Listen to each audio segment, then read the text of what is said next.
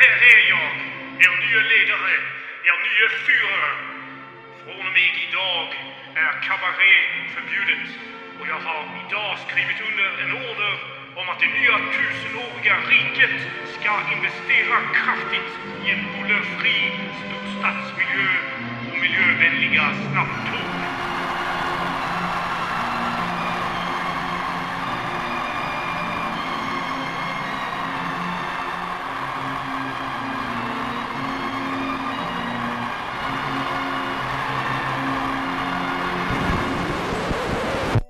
Efter en vacker dröm så vaknar du upp i din kalla brits i fängelsecellen. De stornäbbade kråkorna skrattar retfullt åt dig genom fönstergallret. Du som kämpade för freden men vann inget annat än omvärldens förakt. Du hytter mot flygfäna innan du ger ifrån dig dagens första klagojämmer i ett försök att störa din grannes spersömn. Speer, den är förrädare! Att som han erkänna skuld vore som att slå en sjua på sitt eget hemland. Nummer sju som slår en sjua. Vilken besynnerlig tanke. Efter en stund så hör du fotsteg i korridoren. Takten och tyngden i stegen samt skotypen gör att du inte behöver lyfta blicken för att veta vem det är som kommer. Du jämrar dig högre innan luckan öppnas och en röst barskt förkunnar att det är dags för lunch. Lunch? Ha! Du är helt övertygad om att maten är förgiftad. Förtrycker hungerkänslorna i din avmagrade kropp och försöker istället att tänka positiva tankar. Tankar om den gamla goda tiden då din numera avlidne idol dikterade vad som får anses vara den heligaste av skrifter i din värld. Vilka fina minnen du har om den kampen som ni då förde. Din kamp. Luckan öppnas igen och samma barska röst säger Number seven. Eat now! Du suckar bedrövat på den ryska månaden. De andra nationerna försöker visserligen också att förgifta dig, men de är åtminstone inte så ohyfsade som kommunisterna. Denna gång så lyssnar du på uppmaningen och hasar dig upp. Du tar emot den djupa tallriken och stirrar in i den. Soppan är så tunn att det ser ut som vatten. Med en tunn hinna av fett på ytan. Där i finns också några köttklumpar. Du för försiktigt skeden runt och för upp en av de flytande mörka klumparna mot ytan. Du kväver tyst en kvällning när du ser ett hårstrå sticka ut från klumpen. Du suckar bedrövat åt ditt öde. Du som för några år sedan varit världens näst mäktigaste man. Du som på egen hand har flugit förbi fiendens luftvärn, navigerat till precis rätt plats och hoppat ut med fallskärm. Du skulle inte bli förvånad om du till slut dör av tristess i detta händelselösa västtyska helvete. Mitt konunganamn skall vara Karl den sextonde Gustav. We shall never surrender. Allen Zeiten nicht die Mehrheit! Kom inte med en sån jävla provocerande och aggressiv ton mot mig. Där har våldet triumferat. Ask not what your country can do for you. Ask what you can do for your country. Ska vi verkligen öppna en till flaska? Ja, vad fan har du att välja mellan? Skål ta! I have a dream. Ah, I see you look at your leader. And I too look to you, Paul Bauma. It's one small step for man, one giant leap for mankind. Du, Förresten, har du sett den här nya Estrella-reklamen? När de försöker göra en sån här rip-off på Pripps Blå, klassiska Nej, det har nog inte gjort. Nej, Nej, men det, nej, det, det, de har tagit så här massa bilder, videor liksom, med så här, vet, det är väl Göteborg, västkusten och fan något sånt där skit liksom. Vuxna människor sitter och käkar lite chips och lite annat så här. Men den funkar ju inte liksom. Den håller ju inte samma nivå som gamla klassiska Pripps Blå Men reklamerna visst, gör. Blå hade väl ändå låtarna som gjorde det? Plus att det är originalet liksom. Jo men först hade de den här Thomas Ledin, Blå blå, vad fan den heter, Mm. Vindar och vatten och sådär. Ja, och då hade det. den här stora segelbåten, den var inte så jätterealistisk kanske. Det är inte så många som så här, på världens största jävla segelbåt liksom mitt i Det skärgården. händer, det händer. Ja, det, det händer, men det är ganska smal grupp tror jag. Men sen kom ju 95 där, fantastiska med Tommy Nilsson. Och då hade ju mm, texten, musiken, vet, vad är det han sjunger, eh, Tommy Nilsson? Eh, vad fan är det han sjunger? Dagar jag levt och de vänner jag saknat. Nätter då ljuset aldrig tog slut och minnet av det då. Dina färger var blå. Det, filmen, reklamfilmen med alla så här, Martin Björk för det, jag tror att det är även Pansar och han gladiatorerna Pansar är med i reklamfilmen. Men det var ju fan bra reklamfilm. Den, den, den känns ju verkligen i hjärtat. Vet. Vuxna människor som har trevligt i skärgården tillsammans. Sen är det svartvit när det är höst och så blir det sommar och det blir färg och då minns man tillbaka. Det är svårt för oss som inte har den här bilden i huvudet, men absolut. Jag måste säga generellt att reklamfilmer förr störde man ju sig inte på som man gör med dem nu. Jag tänker Nej. till exempel på... Ah, vad är det? Det är något sånt här försäkringsbolag. Eh, här Trygg Hansa. De har någon jäkla reklam som, som jag har hört flera miljoner gånger. Som jag direkt får så här... ah, Håret reser sig på min rygg när jag hör det. Och jag vill bara snabbt klicka förbi det. Eh, via de här YouTube-klippen eller vad det nu kan vara. Där den dyker upp. Alltså fy satan. Ja, nej, men jag håller med. Förr i tiden kunde man det. Jag tänker ändå 94, 95, 96. Vilka jävla år? 94 var det OS Lillehammer. OS-guld Mm. hockey där. Sen har du eh, fotbolls-VM. Ja, men nu pratar jag om händelser överlag. eh, Ja, Oddset. jag- jag pratar om reklam här. Jo, jo, absolut. Du har ju Oddset-reklam. Vad heter han? PG. Vad heter han? PG, Heter han ja. Starkt PG? jobbat, PG. Ja, Ja, precis. Ja. Sen har du Öppna din dörr också. Tommy Nilsson släpper den låten. Jävlar. Och GES har du också. Och sen har du 95. Då kommer väl den här Pripps blå-reklamen. Om jag inte minns helt fel. Den är ju stark, det får man lov att säga. Jag saknar ändå 90-talets, eh, vad ska man säga? Obekymrade stil. Alltså jag hade den här eh, Jakten på röda rubinen hette va? Med Bengt Magnusson som programledare. När man skickade iväg massa barn till andra sidan världen och skulle leta efter en rubin och föräldrarna var i studion med Bengt Magnusson och skulle gissa Här, saker. Säg mig något, men inte mycket. Men Lingo, kom ihåg Lingo? Vad hette den programledaren som var så jävla... Han var ju jättepopulär. Martin, Martin, Martin... Jaha. Timell. Ja, nej, nej, Martin Örlo.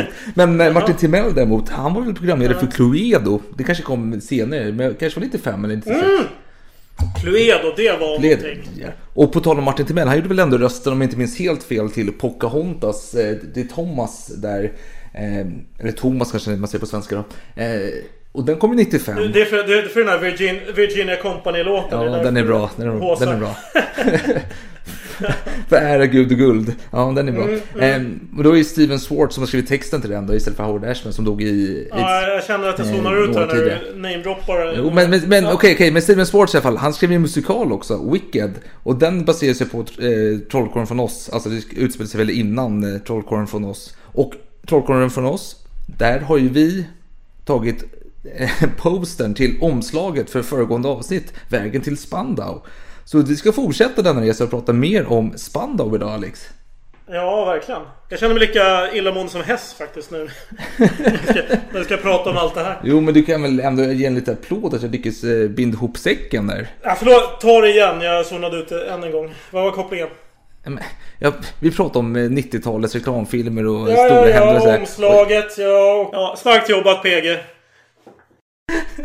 Ja, lite tragiskt. Eh, Jag sitter faktiskt ännu mer tragiskt att jag sitter här hemma. Eh, Min fästmö har ju packat ner alla vinglas i kartonger. Så jag, hon hällde upp vin till mig i ett vanligt dricksglas och sa att jag får väl låtsas att jag är i Spanien eller någonting. För då dricker man väl vin ur sådana glas. Det känns ju inte riktigt värdigt. Sangria kanske framförallt kan jag tänka mig. Ja, jag har sett en bild på det där glaset. Det är inte så imponerande. Eller vet du vad som ändå är ganska trevligt med att inte sitta tillsammans och spela in? Nej. Det är att man har full kontroll över belysningen i rummet. Det måste du ändå ge. Ja, jag, jag har inte en lampa tänd. Jag har inte en lampa. Mm. Nu är, det för, nu är det för ljust ute för att ha levande ljus här. Eh, Här är det som eh, sjukhus, eh, Ja. operationssal. Sterilt och tråkigt. Sterilt tråkigt. Ja. Nej men du, vet du vad? Vet du vad? Varmt välkomna till Salongsberusad historia. Vi ska fortsätta vår historia om Spandau och fångarna i Spandau. Vi har extra fokus på två fångar då. Eh, Speer och Hess. Eh, Fångarna nummer 5 och 7. Och eh, innan vi börjar den historiska vandringen så har vi den här leken vi ska rulla ut här.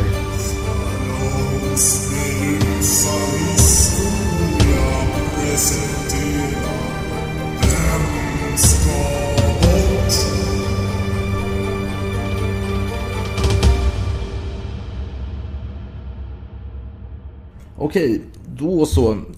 Eh, förra gången hade du en väldigt dålig lek Alix, får, får jag lov att säga. Den var under två all lekar. Du kritik. valde den dåliga vill jag Ja, ja, båda var dåliga. Eh, jag ska inte påstå att jag har... Ja, jo, jag har bättre än vad du har. Men... men eh, Okej, får höra. eh, hur många ska jag säga? Det är fyra va? Eh, då så. Är du redo? Ja, jag är väl det. Kräftstjärt. Hummerstjärt. Ja. Hu- Hummer- Hummerstjärt, kräftstjärt, okej. Kalvfilé. Sparrisar. Eh, ja, det här låter ju... Det här är väl någon form av... Jag vet inte om man ska kalla det maträtt, men någonting man kan äta i alla fall. Och det här måste ju vara någon rätter typ i någons måltid tänker jag. Det är någon som ska bort här. Eh, hummerstjärt, kräftstjärt, kalvfilé Sparrisar. och sparrisar. Oj, oj, oj vad svårt det här var då. Ehm, jag vet ju inte alls vad det här kan vara, men jag, jag bara ska rent, alltså gissa vad det, vad det kan vara. Det är kanske någon kungs sista måltid eller något sånt. Det, det skulle låta ganska rimligt att vissa rätter ingår där kanske. Men samtidigt... Hmm, det är ju inga så här klassiska rätter. Det låter lite för enkelt för att vara eh, något som serveras en kunglig måltid. Ehm, Men jag kan ju börja med att bara ta bort någonting va? Jag behöver inte ens ha en teori. Nej, det behöver inte ha. Visst är det så? Ja, då tar jag bort Hummerstjärt tar jag bort. Fel. Fan också. Kräftstjärten ska bort. Satan. Mm. Då blev det lite lyxigare helt enkelt. Det, Mm. Ja. det blev ju det. Fan också. Nu känner jag mig som en blind höna här. Och du ska vara fransman. ja, Ah, det här var en intressant pik. var det? Intressant pik. Ja, det var det. Ja, det här kommer ju bli förnedrande, men jag får väl dra till med något lökigt här. Ja. Adolf Fredriks sista måltid. Fel, fel, fel. Du Alex, jag är lite besviken på dig Du faktiskt. brukar säga det. Få höra nu. Jag sa ju faktiskt eh, sparrisar i plural utav en anledning. Jaha, Allt jag hörde inte var att du ju- sa sparrisar. Jag hörde bara sparris. Ja, jo, jo. allt annat var ju singular, men sparris i plural. Och varför då, undrar du då? Ja, få höra. Det var en kunglig rätt. Eh, Du var helt inne på rätt spår. Eh, Den här rätten tillsammans med churonsås eh, och lite tryffel bildar ett monogram utav en viss konung i en klassisk rätt. Är det Oscar andre? Yes, precis. Fan också! Filé Oscar eh, är det handlar om. Ja, och då är det då ja, alltså ja. att eh, kalvfilén med churonsås på sidan bildar O1. Sen har du spicerna som tvåa. Eh, Och vi de såg ska om det i kungahuset för inte så länge sedan på någon sån här prestationsmiddag för finländare eller något liknande. Precis, precis. Ja. Ja, helvete! Ja, nej det, det var illa. Det var illa. Och, och jag, jag tror, undrar vad Oscar den andre eh, tycker om att du inte hävda att det var så kunglig glans över råvarorna här. Ja, ja, det ska man väl inte säga. Men det brukar ju vara... Det här, var, det här känns ju mer som ingredienser snarare än rätt. Tänker jag. Mm. Men fine, Det- det, går väl att servera dem rått liksom. Om Men det är grundpelarna i själva rätten då, förutom chardonnay-såsen då. Men och den serverades på Grand Hotel 1897, där 25-årsjubileumet, eh, Oscar IIs då, 25-årsjubileum som regent. Och det var en fransk kock då som hade gjort denna signaturrätt då. Helt enkelt. Mm, var, poäng. den var inte Ja. usel. Den var inte usel. Nej, nej. Det var, det var ganska bra. Ja. Jag skäms inte allt för mycket över att ha missat den. Men visst, det, det grämer mig lite grann här, i och med att jag ändå läste just om den här rätten för inte så länge sedan. Vi vänder blad, som vi så ofta gör.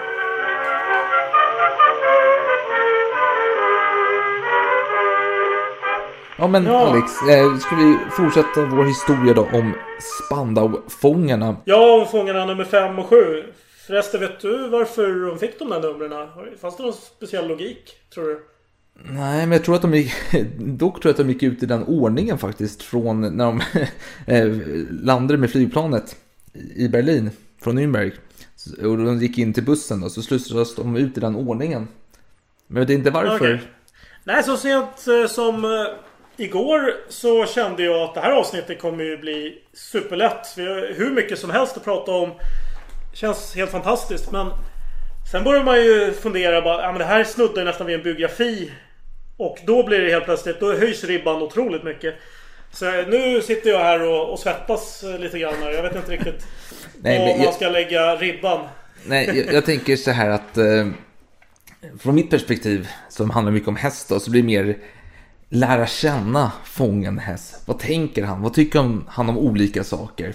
Och sen lite vardagshändelser eh, som sker då. Så det kan inte bli en hel biografi, det har du helt rätt i. Så vi ska försöka hålla det till eh, livet i fängelset eh, och framförallt med de här två fångarna i fokus. Eh, och jag tänker att min fånge som jag har i fokus mest då, han sitter ju längst. Eh, så jag tänker att du kan få börja och berätta lite.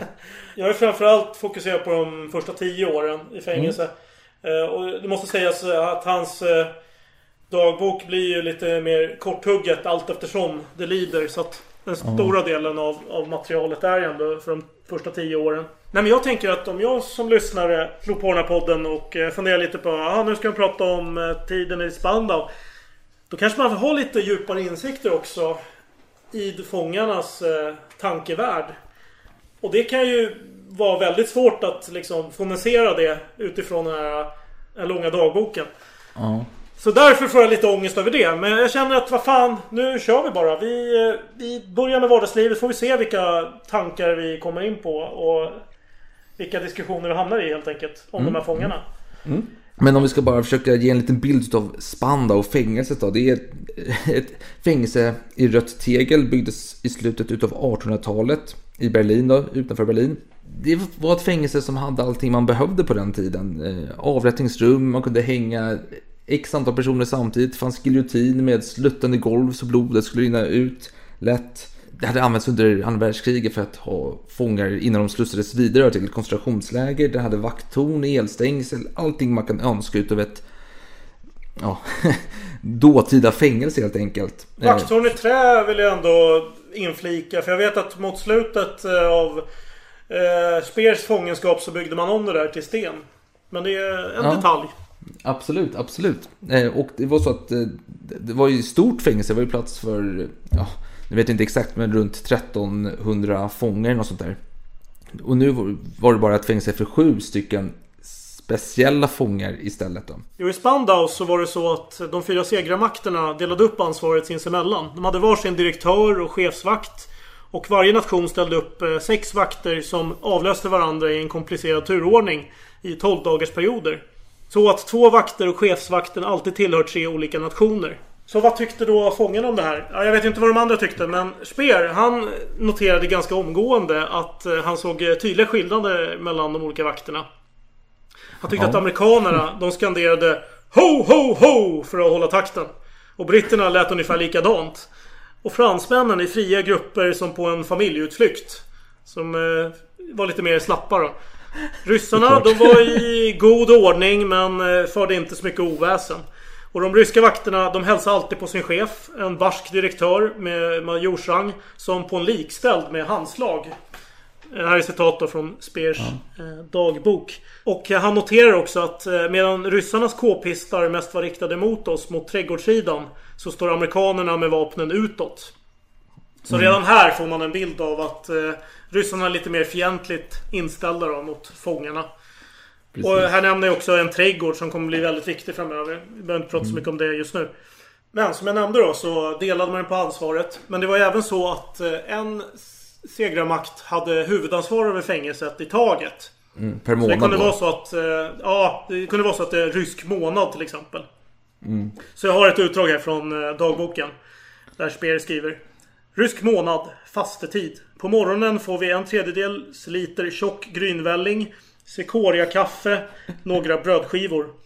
På middagen en liter syrlig vattvälling och samma mängd bröd. På kvällen potatismos, oätligt kött, en liten klick smör och återigen bröd. Detta dag efter dag utan någon variation. När jag misslynt grumsade om enformigheten i mathållningen berättade vakten Mushin. I Moskva satte man samman utrustningen för en expedition långt norrut.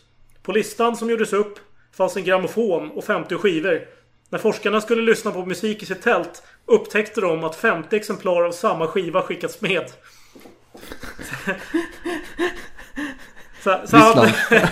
ja, förklarat. Det, det är Ryssland. Det, du får räkna med det här. Det, allt handlar om eh, volymer, kanske inte så mycket om innehåll. Nej. Och de här ryssarna, de sätter sig ofta i respekt. Eh, Det var ju så att eh, fångarna arbetade i trädgård och så vidare. Och Mm. eh, det var strängt förbud att äta frukt under arbetet. Som, alltså, för, det är ju fruktträd bland annat då som de odlar. Och då skriver Speer att då jag just höll på att arbeta med jordgubbarna skickar direktören den gode Mushin att hålla uppsikt över mig. Han vänder sig emellertid med jämna mellanrum demonstrativt om med militära ställningssteg och visar mig ryggen. Jag kan förlita mig på att han stannar i denna ställning till dess jag ätit mig mätt på jordgubbar. Eh, Just detta dagboksutdrag var från 1950 så det var ju några år in på fångenskapen. Det var ju mycket striktare i början såklart. Alltid. Ja, så var det Men det var jättestor variation. Det var jättestor variation på eh, dels vakterna och eh, framförallt direktörerna. Om direktören var sträng då blev ju vakterna strängare automatiskt. Precis. Men Eh, bara och- förlåt att jag hoppar in Ja. här. Eh, vill säga att eh, fångarna arbetade i trädgården och det stämmer ju med ett undantag då. Hess. Han arbetade i, tror jag, en gång i trädgården. Då svettades han så mycket. Ja, så att, ja, jag kan inte citera honom där kanske. Men eh, vad, vad han liknade sig med. Men Hess var ju då eh, ökänd för att aldrig arbeta i trädgården. Eller en gång så kom en brittisk vakt och frågade honom så här, men kan du inte bara ta en vattenslang och vattna blommorna och grönsakerna? Det, är väl min, det kan du väl göra liksom? Då hade Hess svarat, det är ett göra som åligger fängelsets vattenexperter. Ni har två amiraler här, Döns och Räder. Det är deras göra. Ja, det var bra. Det måste man säga. Ja. Eh, nej men eh, Hess var ju lat. Eller i alla fall uppfattade Speer honom som det. Har ett exempel här från eh, 9 april 1950. Hess har i några veckor vägrat att stiga upp på morgonen, tvätta sig, hämta frukost. Han klarar det inte eftersom han har ont, säger han. Vid olika tillfällen har det kommit till högljudda uppträdanden med vakterna i hans cell. Sedan har det ropats Stig upp! Ut! Ut! Har Hess hörts jamra sig Ont! Jag kan inte! Jag kan inte längre! Ser ni inte hur jag lider? Det är fruktansvärt! Nu har den amerikanske läkaren bestämt att han måste vara uppe i en timme på morgonen, tvätta sig och städa sin cell. Men att han sedan åter får gå och lägga sig. Jag har inte längre lov att ta in maten till honom. Uppenbarligen är läkaren av den meningen att Hess simulerar. En röntgenundersökning har inte avslöjat något. Hess motsatte sig modern medicin. Eh, Han var ett stort fan utav heter det, homeopat, heter det, homeopatiska Ho- läkemedel. homeopati. Homeopati, ja. Han gillade na- Ja, naturläkemedel och sånt. Eh, Så han ville. Långt senare så ville man ju röntga hans mage, men han vägrade. Jag läste någon nyhet som inte är alltför gammal. Det var kanske tio år sedan. Att eh, Hess hade... Han har ju hela tiden anklagat eh, de allierade för att förgifta honom. Mm. På olika sätt. Ja. Och då hade han skickat med någon schweizisk läkare några matpaket som han hade sparat. Han han hade låtsats äta dem men eh, egentligen hade han sparat dem så att han kunde skicka dem på analys då, för att få dem Mm. Eh, För att bevisa att det var gift i. Precis. Och den här läkaren hade då tagit de här eh, matpaketen, analyserat dem och konstaterat att det inte fanns något gift i. Och sen hade han eh, lagt dem i någon källare typ. Så att när paketen finns fortfarande lagrade någonstans i USA tydligen. numera. Till Ja, någon men- ättling där. Jag tror att det måste ha hänt under Nürnberg-tiden för då vet jag att han hade tagit med sig från England material som han Mm. gav till någon. Det kan det ha varit. Ja, men du, du, du sa ju här, du var lite inne på deras dagsschema här. Eh, Jag tänkte bara ta lite hur det kunde se ut. Eh, Klockan 6.00 stig upp, morgontvätt, mottagande av glasögon, bäddning av sängen. 6.45 frukost. 7.30 arbetet börjar med order av vakthavande. 11.15 arbetet upphör, kroppsvisitering och tvättning stod det på schemat. 11.30 till 12.15 middagsmål, vila, skriva, röka eller läsa till 13.30. Sedan åter till arbete till 16.45. 16.45 arbetet slut, kroppsvisitering och tvättning. 17.00 aftonmål. 17.45 till 18.15 till bibliotekscellen för utbyte av bok genom bibliotekarie Räder. 18.15 till 22 vila, läsa, skriva, röka, aftontoalett. Klockan 22. Återlämnande av glasögon, ljuset släcks till sängs. Och lördagar, då är 8 till 9. Ombyte av kläder och sängkläder. 9 till 10. Motion. 10 till 11.15. Bad. 14 till 15.30. Gudstjänst. Grammofonkonsert i 30 minuter första och tredje lördagen i varje månad. 15.30 till 16.45. Motion, vila, läsa, skriva och röka. Söndagar då, det var 8 till 16.45. Vila, läsa, skriva, eh, vila, läsa, skriva brev, röka, motion. Rakning och klippning efter behov måndag, onsdag och fredag mellan 9 till 11. Så såg deras veckor ut eh, helt enkelt. Och det ska nämnas att eh, Hess var ju, han är motsträvig i, i sin natur. Så han var ju känd för att han alltid ville skjuta upp allting. Var det så här, nu är det dags för rakning, då är det så här, ja men kan jag, jag vill raka mig om en timme istället. Han försökte hela tiden rucka på de här rutinerna. Men det gick inte så bra för honom. Han, han gick vakterna på nerverna. Eh, Britterna ville ge honom ett kokstryk bara för att han skulle sluta vara så jävla excentrisk helt enkelt. Amerikanerna tyckte att han var excentrisk och eh, ryssarna trodde att han fejkade hela tiden. Att han var... Eh, Ja, jag har ju ganska mycket dagboksutdrag just om, om Hess. Så Mm. kanske kan ta några sådana. 20 december 1950. Skarpa diskussioner om Hess i flera dagar. Han klagar oupphörligt över smärtor som hindrar honom att stiga upp. Numera lyfter vakterna, enligt uppgift på order från direktörerna, upp madrassen med den avmagrade Hess ur sängen och välter helt enkelt ut karln Där han ligger och jämrar sig på golvet. Där låter de honom ligga. När jag, det vill säga Albert Speer, kritiserar det råa tillvägagångssättet inför en vakt får jag till svar Är det förbjudet att röra vid fångarna va? Han flinar när han säger det. ja. Tyskarna gillar inte eh, Hess. Nej, nej, Eller vakterna gillar inte Hess. Nej, nej, så är Ja. det. Och Hess skulle tilläggas, han, han gillade att klä av sig helt naken och stå framför fönstret. eh, Med öppet fönster då. För, för, för att det, det kyla hjälper mot hans smärta så att säga. Eh, Jaha, det ser man. ja, Du, kost- du apropå, apropå att eh, vara naken så kan jag väl bara avsluta med en till där. Eh, Ett citat där från 25 december 1950. Julen inleds mycket tidigt med en ordväxling i Hess cell.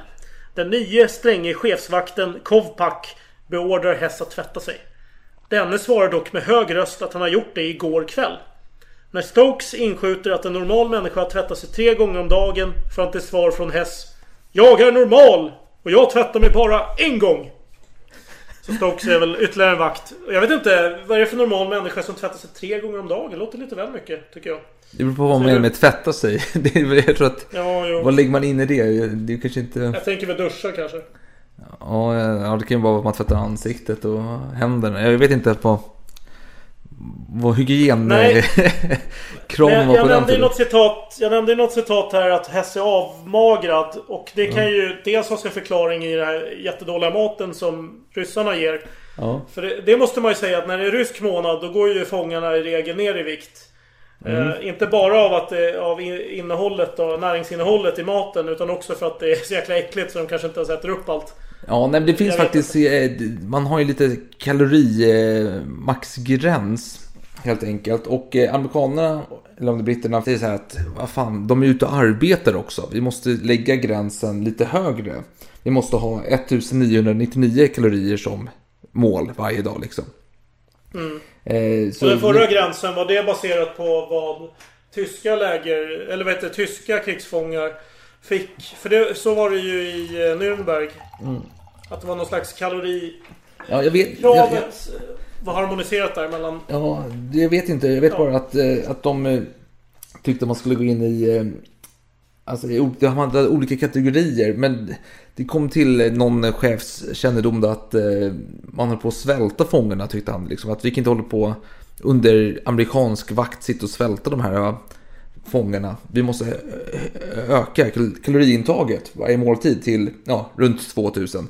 Och ryssarna tyckte att det var på tok för högt. Ryssarna tyckte att det var 500 Ja. kalorier för mycket. Eh, Alltså den officiella ryska hållningen var ju att vara stenhård helt enkelt mot eh, de här fångarna. Medan eh, västmakterna var ju mer empatiska kan man säga. absolut, Eh, absolut. På alla möjliga sätt. Och ryssen eh, tyckte att nu hade ju amerikanerna och britterna och fransmännen gått bakom ryggen på dem. För de hade ju kontrollvägt maten och insåg att, upptäckte att det var 500 gram för mycket per måltid. Det är ganska mycket 500 gram. Det är ju väl en hel måltid. Ja, jo men eh, ja, jag vet inte vad ryssarna hade för svältdiet egentligen. Men det innebar Det att- vet jag. Ja, jo, men eh, att amerikanerna eh, gav order om att sätt två beväpnade vakter utanför köket och kockarna måste laga detta. Så det blev lite Ja. interna stridigheter där. Ryssen blev galna och ville gå in i köket och eh, ja, få kocken att sluta servera fettrik eh, mat med ex- extra smör och allt sånt där som man tycker är gott i maten. Men då hade de här amerikanska bajonettbeväpnade eh, vakterna stoppat ryssarna utanför dörren. Så det är lite dramatik där. Och bara för att säga, för att ge lite tabell här, vikten. Mm, får höra. Franska månaden var februari och eh, den ryska i mars. Och om man tar det från 4 februari till den 21 mars då. Eh, då, då har vi von Schirach. Han vägde i februari under fransmännens månad 65,2 kilo. Och i, under Rysslands eh, tid, 21 mars, vägde han 61,2 kilo. Så det är ju 4 kilo rakt av där då, som han hade gått ner i vikt. Mellan februari till mars. Dönitz, Ja. han klockade in på 64,7 kilo i februari. Och han klockade ut då på 61,6 kilo. Och det är väl 3,1 kilo då skillnad. Nedgång då. Ja, effektiv bantning. Ja. Eh, von Neurath vägde 67,8 i februari och han klockade ut då på 64,5 kilo i mars. Så det är 3,3 kilo nedgång. Räder han hade 55,6 kilo i februari och klockade ut på 55,5 kilo i mars. Han hade ryska Ja, verkligen. Men vi kan bara nämna att eh, Neurath, eh, eller förlåt, eh, Räder, han var faktiskt eh, ner på 54,2 kilo i början av mars. Så han hade gått ner från februari till mars, alltså under eh, fransmännens tid gick han ner i vikt. Oj. Och så gick han upp sen under ryssens period. Det är ju sjukt alltså. det är sjukt. Speer klockar in på 78 kilo och klockar ut på 73 kilo. Så det är 5 kilo går han ner under perioden helt enkelt. Ja. Eh, förlåt, eh, jag kan vara lite tydlig här. Han går även ner under fransmännens tid.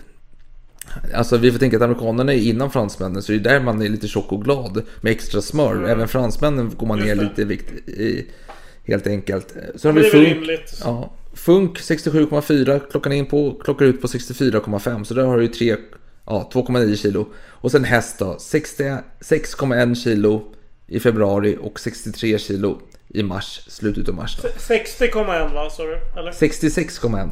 Så han gick ner 66,1. 3,1 kilo. Så Speer är den som eh, drabbades mest av den ryska kosten helt enkelt. Under denna period. Sen, sen ska jag nämna det att jag har en uppgift från eh, april 55 då Hess eh, fyller år och väger bara 57 kilo. Så det, det pendlar en del. Kan man Ja. säga. Mellan åren och så vidare. Ja, det, det, här, det här är början till deras fångenskap. De hittar alltså. sina rutiner så småningom. Sen får man väl säga det att det är ju ganska omfattande korruption mellan Eller bakom de här äh, fängelseväggarna. De blir ju kompisar kan man väl säga med vakterna och löser allt Det är, väl, det är väl Funk som får in massa sprit i, i cellen helt enkelt. Och ska nämna Sprit att- förekommer. Ja, Choklad har- förekommer också. Ja, de har ju ett kapell där inne också. Och eh, alla går ju dit och Funk spelar på orgel, lite sköna klassiska psalmhits. Men Hess går aldrig in där. Han sitter alltid utanför och lyssnar på musiken. Stämmer. Och visst är det så att de har en... Eh, en diskussion med eh, pastorn eh, Canalis. Nu vet jag inte hur det är. Canalis. Ja, det är en fransk eh, pastor i alla fall. Som är där och eh, predikar för dem. Och han eh, predikar lite väl eh, hårt för att alla fångar protesterar över att de känner sig eh, Kränkta. förebrådda. Ja, de, de blir kränkta helt enkelt. Så det blir världens tjafs. Fast Hess eh, sitter ju mest bara utanför och tittar på. Eh, Det är intressant för Canalis eh, eh, dyker upp som en viktig eh, karaktär i en film om Albert Speer som gjordes i en svensk film faktiskt. Som gjordes 2004 som jag kollade på just häromdagen. Eh, Och där fungerar han som en sån här konversations... Eh, vad ska man säga? Det som driver dialogen lite med Albert Speer. Så Okej. han får ju repliker som kanske han egentligen inte har uttalat utan det är andra som har ställt de frågorna till honom. Hans biograf bland annat som jag kommer in på senare. Men Canalis är ju... Ja, han är själavårdare helt enkelt i fängelset. Ja, jo. De, de brukar vara det de där. när de gör sitt jobb så. Men, men, jag, men jag ska säga att Albert Speer, när han... eh, Efter några år så kommer den här Canalis att försvinna iväg.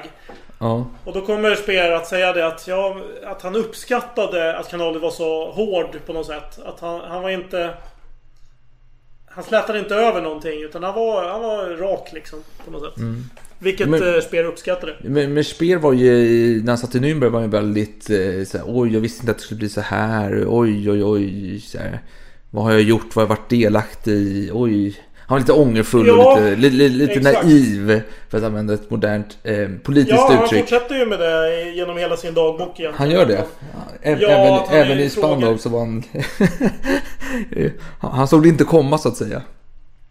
Nå, han, han ställer ju frågan till sig själv. Att hur kunde jag inte veta det här? Och sen att han hela tiden eh, på något sätt tar avstånd från eh, all den här ondskan som skedde då i, i Hitler, i Nazityskland. Hess eh, pratar ju om eh, Speers relation med Hitler och säger att eh, Speer och Hitler klickade på ett sätt som inte Hess och Hitler klickade på när det kom till ar- arkitektur och så vidare. Att eh, Hitler ögon löst när han såg Speer och de pratade om olika ja, byggnader och färger och sånt där som inte Hess kunde ett skit om egentligen. Så Ja men det stämmer. Och Hitler han var ju väldigt eh, konstintresserad. Han la ju sig i alla såna här små diskussioner om eh, typ byars eh, planer på att sätta upp en ny teater. Då kunde Hitler ha jättemycket åsikter och hålla på och lägga sig i och ha detaljkunskaper om. Vilket Speer förundrade sig över. Men att de klickade, det var väl att Hitler såg Speer som en ung arkitekt som man själv kunde forma enligt sin egen vilja på något sätt. Och på tal om Speer och Hitler, jag kom på att vi raljerade lite om den österrikiska charmen som man pratade om eh, i föregående avsnitt. Och vi raljerade lite om Fritzl och så vidare, om det det man åsyftar. Men det tydligen fick jag höra här att det finns och det frodas än idag, den österrikiska charmen. Att de är trevliga, artiga, gemytliga, Det här är jätteintressant att du säger det. För det var någon gammal tant, vill jag minnas. Jag tror att det var Wagners... Eh, nu ska vi se. Wagners sons hustru, möjligen. Som fick besök av Hitler. Och som eh, uppskattade just att han var så otroligt eh, artig. För att Hitler kunde vara ganska dramatisk och, och liksom kyssa handen och liksom väldigt såhär... Eh, nästan löjeväckande eh, eh, chevaleresk liksom. Ja, ja. Men det var någonting som just den tanten uppskattade. Men en del andra tyckte att det var lite konstigt. Jag tror att Speer också tyckte det var lite märkligt beteende. Men har du aldrig funderat över hur, att Hitler, han, han brukar ju ofta stå med utsträckt arm och, och sitta i en bil och sträcka ut den här armen. Man tänker, hur länge gör han det? Och svaret är nog att han gör det säkert väldigt lång tid. Och då tänker man bara, ja men en... en det kan ju vara ganska jobbigt att, att stå sådär, eller hur? Känner jag spontant. Men det finns en förklaring till det. Jag har ett eh, utdrag här från Speers dagbok. Han skriver så här. I sovrummet brukade Hitler göra morgongymnastik vid öppet fönster. Han hade en gång berättat för mig att han länge hade tvingat sig till att dagligen arbeta med en armstärkare. Till min häpnad visade han mig till och med en reklambild ur Jugend som visade hur man på detta sätt kunde skaffa sig en muskulös biceps. Armstärkaren var inte minst viktig för honom, tillfogade han, därför att han när SA och SS paraderade måste hålla armen utsträckt utan att darra eller sänka den. Jaha, ja. Så här går Hitler runt och flexar biceps liksom, på morgonen. Det verkar så. Och förresten, det där jag sa om Hitler att han eh, gärna lade sig i konst och detaljer och så vidare. Så han hade ju sina åsikter om, om konstnärer och eh, vid ett, ett tillfälle när Speer och Hitler och ett gäng andra satt eh, på en restaurang. Så framkom det att eh, en Josef Torak, en skulptör som Speer hade anlitat väldigt flitigt. Att han hade skrivit på ett kommunistiskt upprop kort före maktövertagandet 1933. Mm. Så att Speer liksom stelnade till när han fick veta det. Bara, Åh helvete nu kommer det... Shit has hit the fan tänkte han säkert. Och Hitler han var ganska lugn. Och han, han viftade bort det. Han sa så här. Ja, vet ni. Det där tar jag inte alls på allvar. Konstnärer skall man aldrig döma efter deras politiska uppfattning. Den fantasi de behöver för sitt arbete fråntar dem möjligheten att tänka i realiteter. Vi låter Torak arbeta för oss. Konstnärer är de renaste dårarna. Idag skriver de under här, imorgon där. De tittar inte ens efter. Bara de tycker att avsikten är god. Så här kan Hitler vara ganska förlåtande tydligen. Jag vet inte, han kanske har en... Han känner sympati kanske med konstnärer. Han var ju själv eh, något av en målare tidigare. Ja, ja, och, och det finns flera kopplingar till att till hans tidiga barndom. Att han har en stark känsla för hembygden och byar. Han gillar inte städer, han gillar byar. Och på tal om det så har, hittade jag en eh, lång utläggning om Speer om eh, arkitektur generellt då. Han filosoferar om det. Ja. Och det, det fortsätter i alla fall så här. Jag hade samma åsikt som Hitler att Mies van der Rohes glas och stålkonstruktioner mer hörde till teknikens än till statens värld. Och var mer lämpade för en fabrik än för ett operahus. Var det för trångsynt? För traditionellt tänkt? Säkert är att jag vid 28 års ålder inte förstod Bauhaus. Men även nu, som 50-åring, är det min djupa övertygelse att höghus av glas är något falskt utanför den industriella sfären. Det må nu vara bra eller dåligt, det som vi planerade. Jag tror i alla fall att människor har ett behov av kringmurade rum och att ett hus framförallt ska vara ett hus. Det leder tillbaka till frågan om människornas bobehov verkligen är föränderliga och om deras lycka är mer avhängig av tryggheten än graden av lyx. Det här är väl kanske lite större diskussion. Det är, det är lite mer om... Jag, Ja. jag, börjar ju komma in lite på ditt hat här mot... Eh, Vingård. Precis, Vingård. eller, eller modernismen och eh, på tal om Tyskland kommer vi nämna LB, vet du, det här konserthuset i Hamburg som är för jävligt fult alltså. så Eh, du verkar ändå dela eh, Speers och Hitlers uppfattning här helt enkelt med... att ha en mer traditionell syn på det hela. Jo, även, även en, en tr- trasig klocka visar rätt tid. Eh, två gånger per dag. så- Två gånger om dygnet, ja. Det Mm. stämmer. Men, men du, du pratade även, förlåt jag vill bara komma tillbaka till Hitlers yviga tal och sånt. I en biografi som, eh, om hästar så står det att han hjälpte Hitler att öva in sina tal.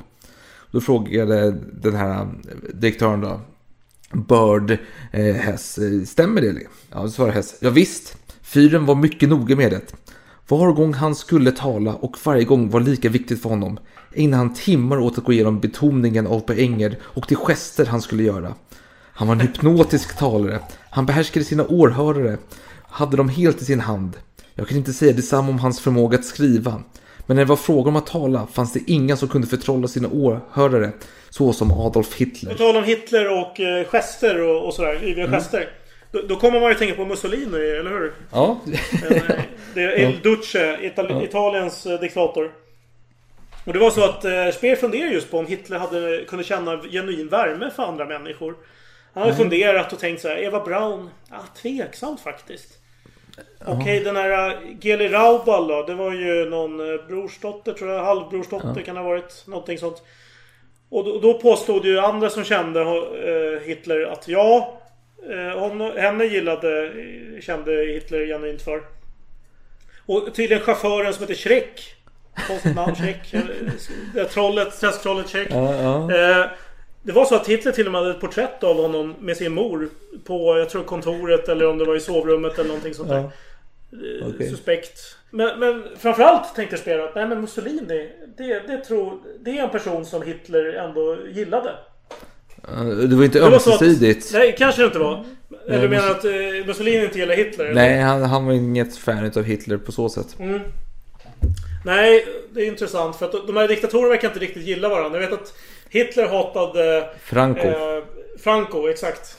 Ja, Men i alla fall. Då, eh, han och Mussolini lärde känna varandra på ett statsbesök i Berlin. Mm. Och efter den här träffen så var de andra tyskarna i delegationen var skeptiska. Och Hitler, han började då... Eh, alltså de, de satt där på någon restaurang eller någonting efteråt liksom. När de diskuterade. Efter den här träffen. Mm. Och då började han ge Mussolini mycket beröm. Att han hade ju lyckats med så mycket och så vidare. Men då satt Goebbels där och påpekade att han säkert talade för alla närvarande när han fäste uppmärksamheten på den stora olikheten mellan Mussolini och Führern. Att i Italien är han säkert någon särskilt. eh, En romare bland italienare som Hitler själv hade sagt. Men här så är han en italienare bland tyskar.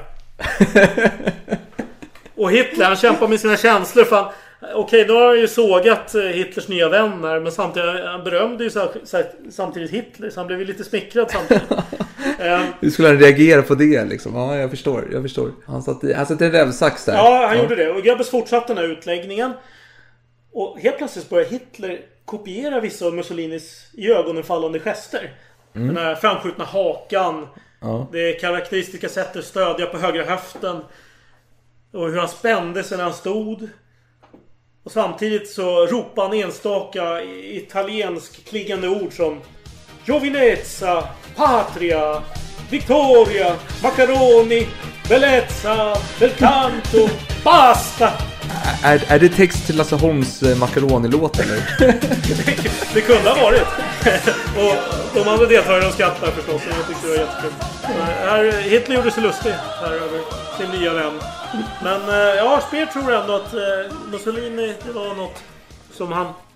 Någon person som han ändå gillade. Ja. Och visst var det så att man eh, vände honom ryggen på slutet. Men det var mest av politiska skäl. eh, Nödvändiga skäl eh, bedömde Speer. Det var inte att Hitler ha, hade något hat mot honom på något så sätt. Nej. Men där mot slutet av kriget när lyckan vände så gick det inte så bra för Mussolini.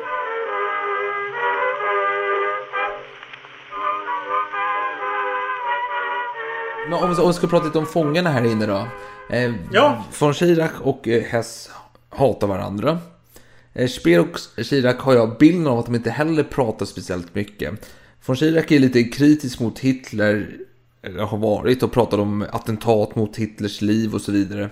Men eh, Hess och Speer däremot. Jag får känslan av att Speer eh, är lite av den sociala. Han är typ så här Jerry i Seinfeld. Lite grann. Okej, han, han är spindeln i nätet. Så, alla är runt Ja, jag, jag skulle nog säga det. Mm. Eh, Räder och Dönitz gillar inte varandra, men de har en slags hatkärlek. För, Ja.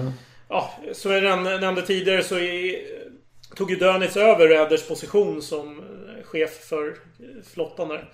Och Ja. de hade olika åsikter och så vidare. Men, så de tjafsade, men de hade fortfarande samma, vad ska man säga, nitiska uppfostran. De hatade ju alla eh, Hess. Gjorde de.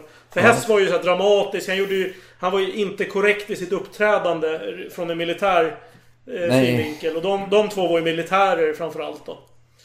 Precis. Eh, och så Speer, ja vilka, var det någon han hatade?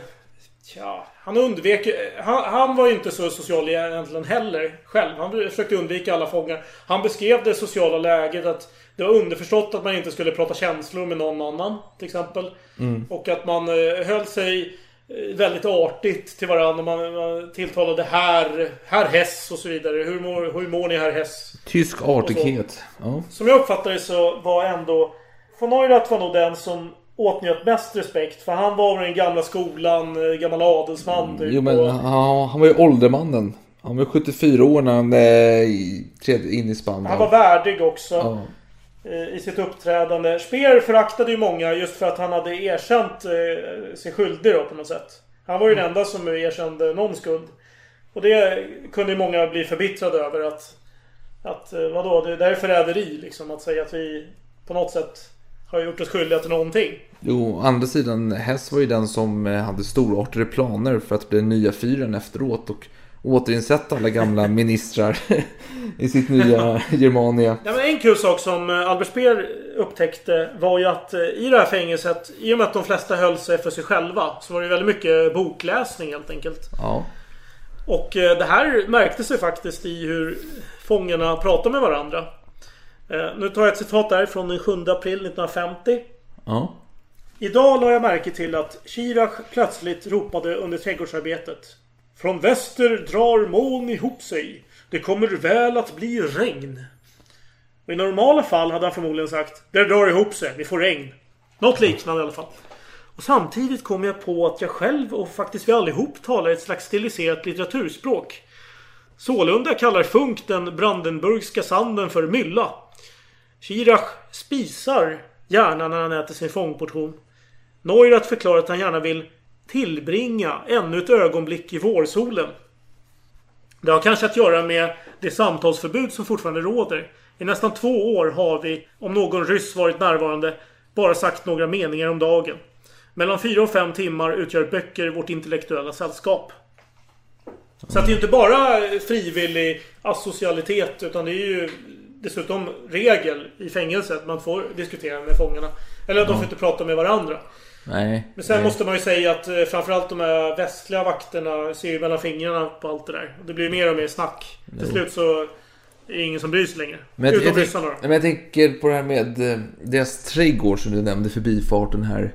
Eh, Det blir, vet att Dönitz planterar ett träd Jag vill till och med tillägga Speer är väl någon slags huvudansvarig för trädgården. Så som Räder är bibliotekarie så är Speer någon slags trädgårdsmästare i fängelset.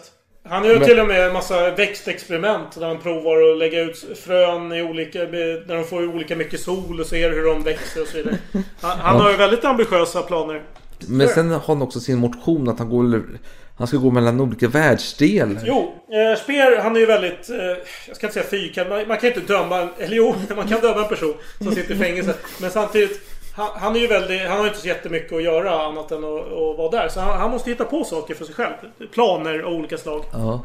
Han har ju fått för sig att han måste ju hållas vid god vigör. Han måste ju kunna eh, promenera långa sträckor. För han har ju alltid haft som eh, intresse att vara ute i det fria och gå i bland bergen och så vidare.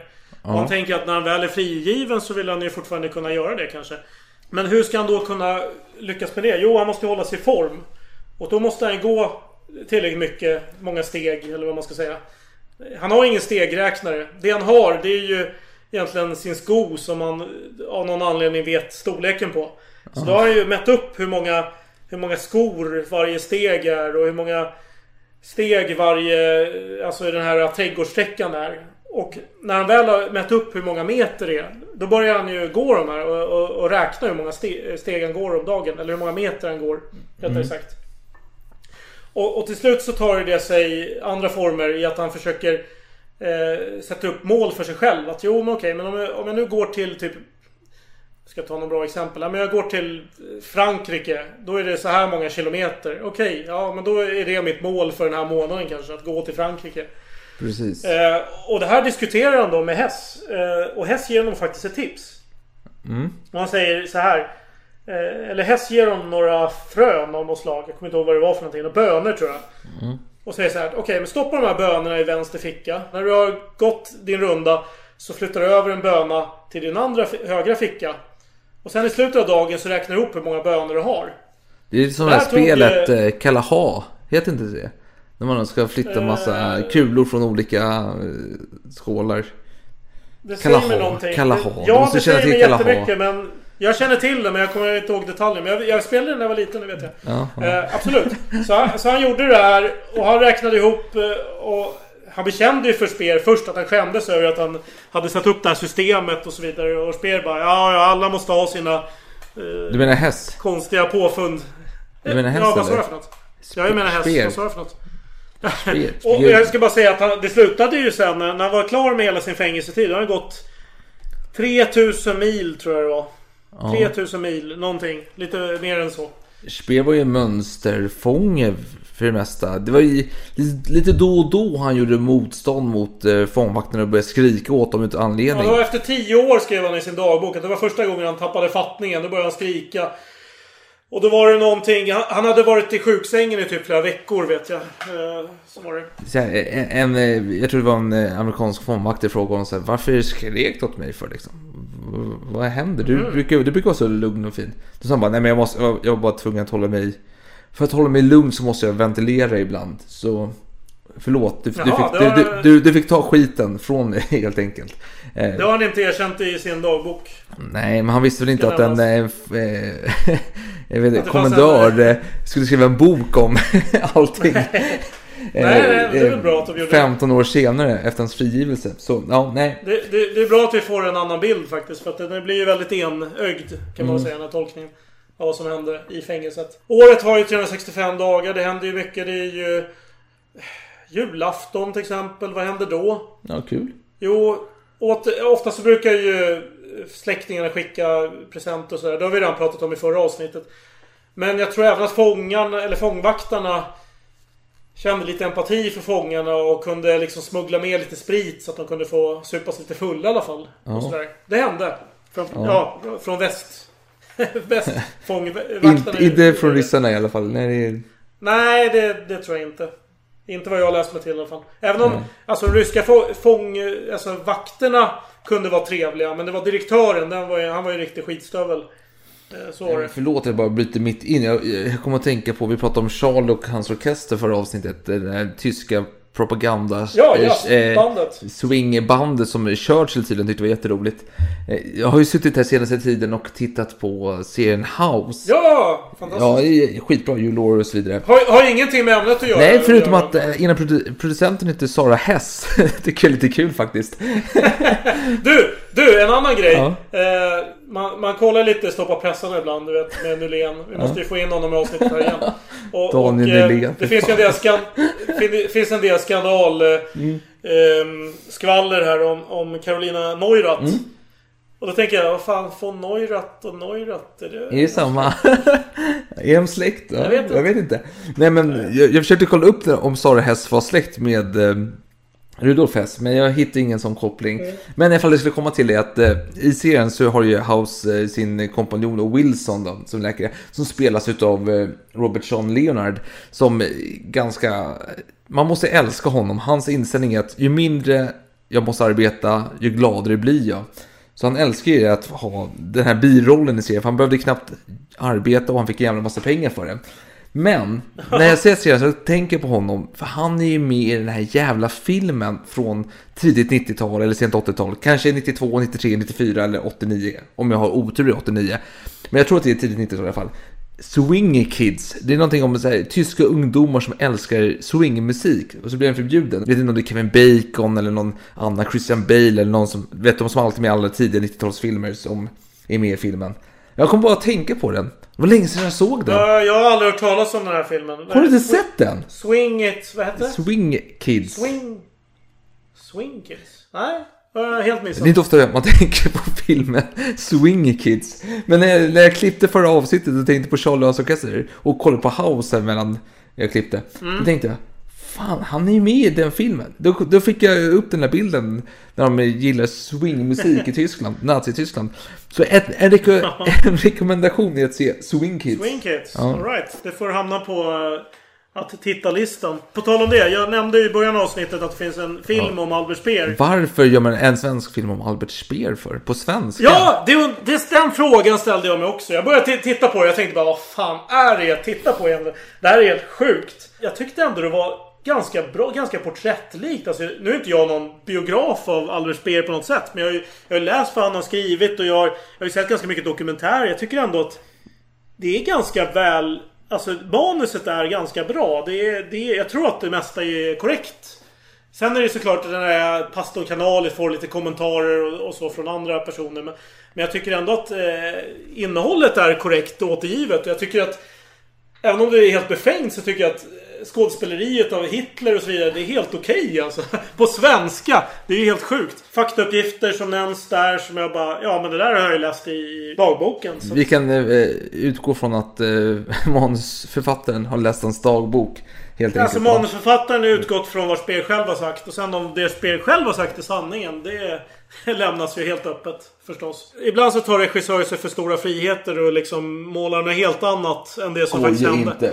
Fan, alltså vi måste ju benämna de här jävla operaregissörerna. Alltså fy fan vilken dynga de producerar nu för tiden. Man skulle sätta vet, Mozarts Requiem eller Don Juan i någon sån här modern industrilokalsmiljö istället för en klassisk 1700-talsmiljö. Ja gud, och jag har, sett, eh, jag har sett pjäser om Molière som har liksom tolkats med moderna skämt och så vidare. Det är helt värdelöst. Alltså, Jo, vi såg ju den när när det skulle utspela sig på Östermalm på Strandvägen. Eller fan vad. Nej, besviken. Hemskt, Måste, hemskt. Den här teater och operavärlden måste få ett slut med sin jävla nytänkhet, nymodigheter. Mm. Gå tillbaka till konservativ jävla 1700-1800-tals Absolut. originalrekvisita. Alla, alla vill ju se liksom, alla vill gå och se Don Juan och se en, eh, alla går runt i 1700-tals peruker och hålla på. Det är det man vill se, man vill inte se någon gud, ja. Muskelbyggare stå där med en jävla baritonröst och står i en jävla lagerlokal med så här sjukhuslampor som du har i ditt hem nästan. Alltså den belysningen liksom. Det är, inte, det är fan inte sexigt alltså. Det går inte. Det går Du, inte. du vet, jag måste... Det här är en... Podden är ju en, en operation som kliniskt måste, måste utföras. Tyvärr blir resultatet inte alls kliniskt. Men ambitionen finns ju där. Ambitionen finns där. Jo. Eh, men, men nu har jag bara eh, det, hyllat den här filmen. Eh, Det finns ju mycket att klaga på såklart. Alltså, jag tycker att Speer framstår som en...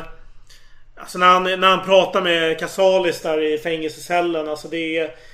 Det är inte alls den personligheten Alex, som lyser Alex, igenom Alex. dagboken. Ja, Vi måste, vi måste prata om elefanten i rummet här. Det är att du sitter och tittar och använder som källor oftast SVT-dramatiseringar Tvärtom, tvärtom! Nej, nej, nej! Nu kritiserar jag SVT-dramatiseringen utifrån källan. Jo men vi hade samma problem med Karl XII när du satt och Ja, fast då hänvisade var det till... tvärtom. Då var det tvärtom. Ja, det här måste få ett slut alltså. nej, men då använde jag väl säkert Voltaire som källa. Kan det vara så? Jo, men dessutom Och det är serien ändå- att... Du använder mycket... Voltaire! Jo, Voltaire! men, jo, men använder en hel del serien också. Men vi går vidare. Vi släpper Jag, den här jag, jävla jag måste serien. Nej, men stopp Men- här nu. Jag använder inte serien som källa. Vi måste ju bedöma serien.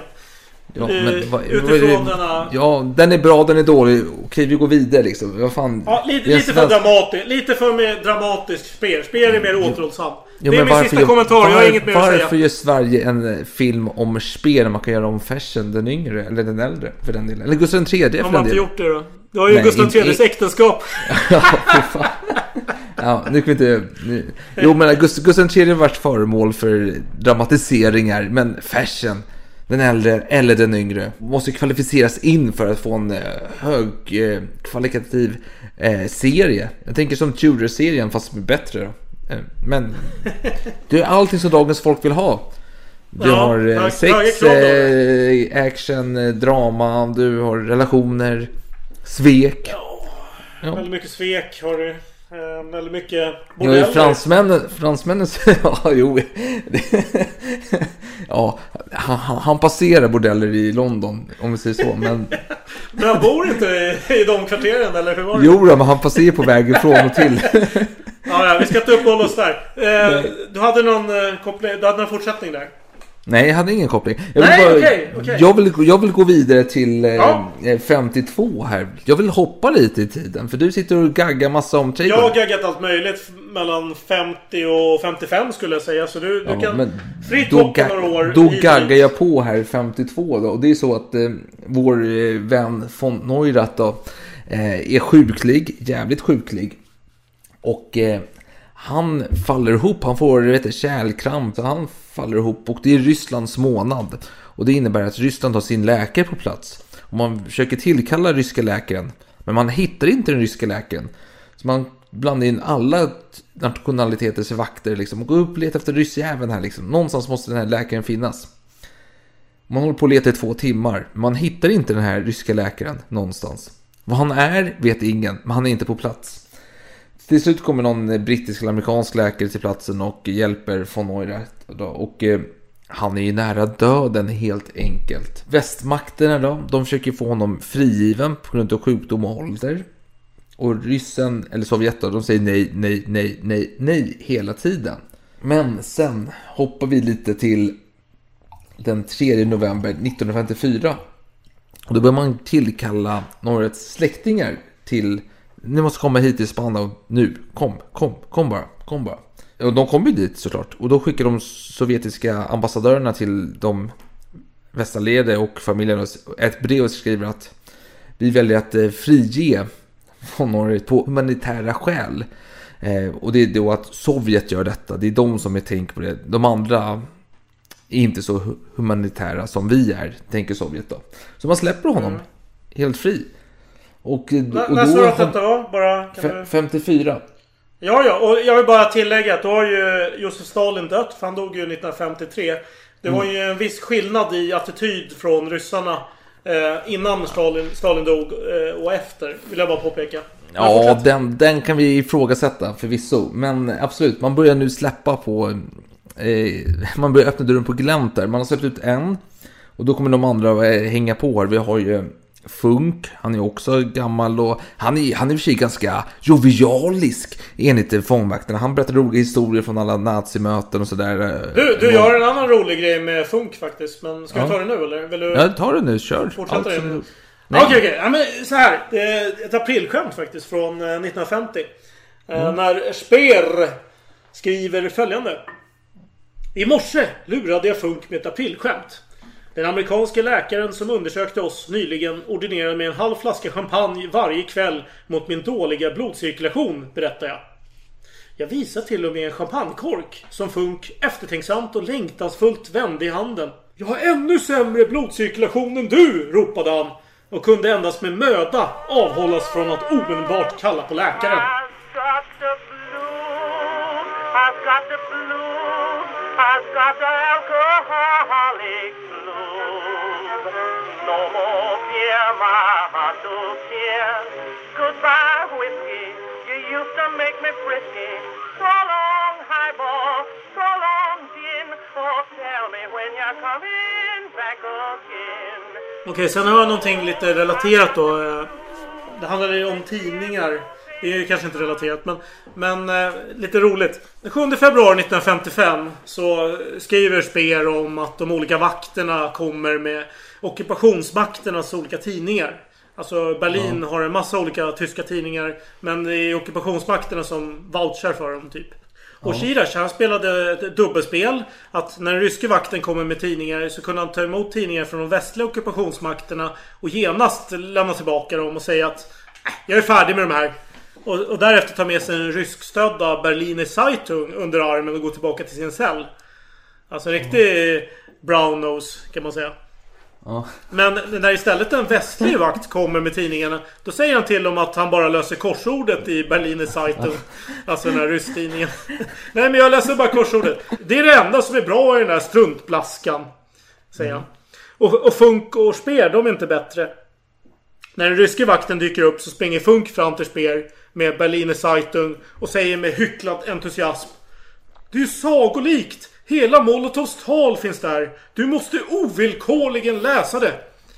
Och Speer svarar Ja, ta hit den. Det intresserar mig verkligen. Hela talet säger du. Och eh, Dönitz han var inte så mycket bättre. Han berättar för den ryske vakten eh, Seminalov. Ja, Die Welt har dåligt rykte har min fru berättat. Den står helt under engelskt inflytande. Man kan faktiskt inte tro ett enda ord i den. Och då dök, den, då dök den engelska vakten lång upp och frågade Jaha, vad är det som är så dåligt med oss? Och då dö, for Dönis förskräckt runt och bara Aah! och, och fick till slut ur sig Uh, uh, men den engelska demokratin, det är den äldsta av alla. Och sen när den ryska vakten hade lämnat platsen då, då tillade han Och naturligtvis också den bästa. Det är min djupa övertygelse. Sen, sen gick Dönitz till sin cell och han vände sig en sista gång om och så sa han Jag säger alltid vad jag tänker. Så det, det, det är riktiga brunäsor där några år in på fångenskapen kan man konstatera. Ja, jag säger så här. Om vi ska fortsätta med frigivningar. Funk, Räder, friges och Dön ska ju friges också. Men skillnaden är att de andra har ju frigivits på att de är sjuka, gamla och slitna och så vidare. Precis. Dönitz har ju avtjänat sitt straff som var tio år. Exakt, det har han gjort. Och då blir det en stor debatt. Hur ska det gå till? Och man är lite orolig för vad som kommer ske. Han var ändå efterträdare till Hitler. Och eh, ja, någon slags naturlig ledare då kan man väl säga. Även om inte Räder erkänner det. han, han är ju äldre och så vidare. Men eh, han och Speer har ju haft en ganska kylig relation. Men Speer Ja. kände ändå att, nej men vad fan, om man ska friges, jag, så jag måste ju prata lite med honom i alla fall. Speer hade avvaktat lite med att fra, gå fram till Dönis. För han tänkte ändå, ja men det är väl ändå Dönis uppgift att gå fram till mig. Jag står ju här liksom. Det är Dönis som går fram och tillbaka till alla. Så han får väl närma sig mig. Ja. Så han stod där och hängde ett tag. Och till slut så kom eh, Dönis fram och sa så här att eh, Ja, herr eh, Speer, så här, ska jag prata med er en stund? Bara. Och svarade Speer bara ja, men gärna. Vi, vi kan gå till min cell. Och så började de prata. Och då ställde Dönis frågan eh, Är det sant som du berättade? Vad jag minns så berättade du förut att du rekommenderade Hitler att jag skulle bli efterträdaren. Till honom. Och då hade Speer svarat ja, inte riktigt så. Han hade snarare ställt frågor om dig. Om du var lämplig med si och så. Och då hade jag sagt att jo, men det hade du gjort förtjänstfullt. Någonting väldigt positivt. Men han fick aldrig frågan rakt ut. Vad det gällde liksom, vem som skulle ersätta eh, Hitler. Men i och med att eh, Göring snabbt eh, försvann ur bilden. Med, han gjorde något förrädiskt där. Ja, jo, då, jo. Han, han förhandlade. Ja. Så förstod Speer att jo men det kommer förmodligen bli Dönitz.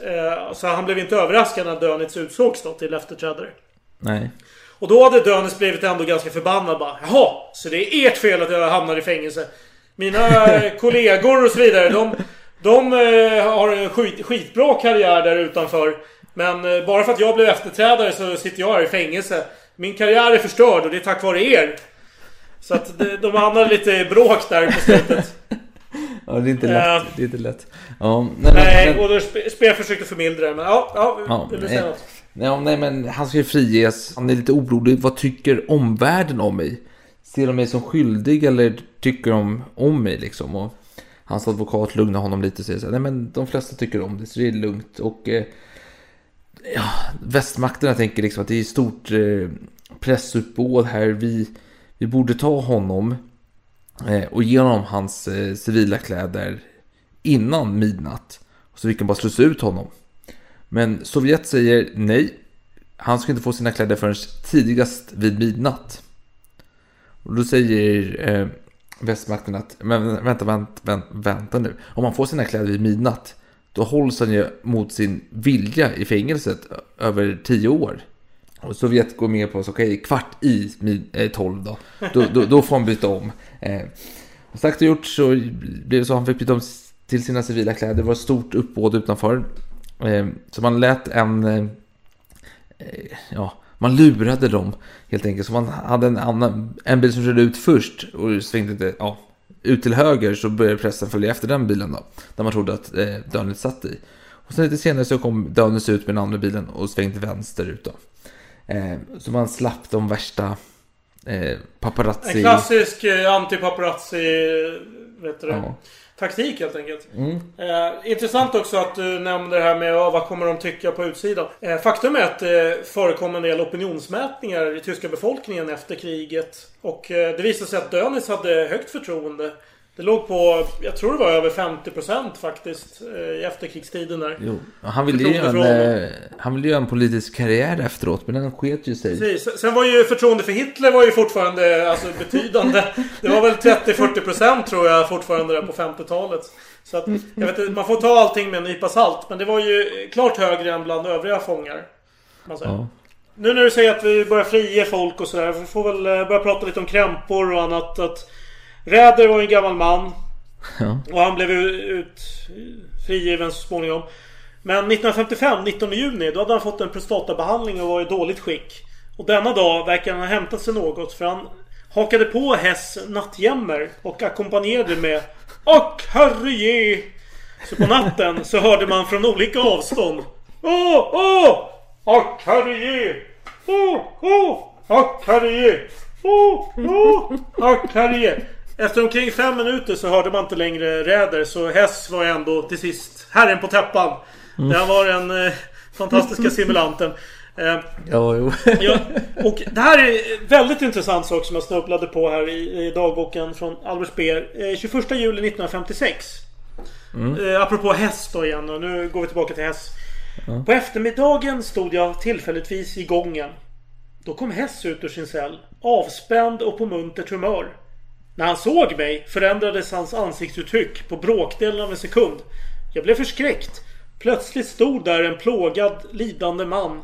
Även hans gång förvandlades plötsligt. De lätta stegen blev ryckiga och slängande som hos en invalid med amputerat ben. Inte ett ord om detta. Varken till Hess eller till de andra. Men jag är djupt bestört. Denna föreställning har han genomfört under 15 år. Vilket uppbåd av energi. Vilken konsekvens i att våldföra sig på sig själv. Men också vilken själslig förvirring. Jag kommer att tänka på eh, House och... Eh, eh, vad heter han? Eh, David Suchet helt plötsligt slutar bryta på franska eller belgiska eller vad man ska säga. Eh, Där vill du väl ändå som en stolt fransk nationalist hävda att Belgien är Frankrike. Absolut, men Belg... Fast Bel... Alltså grejen är att... De talar franska, men de hittar på egna ord.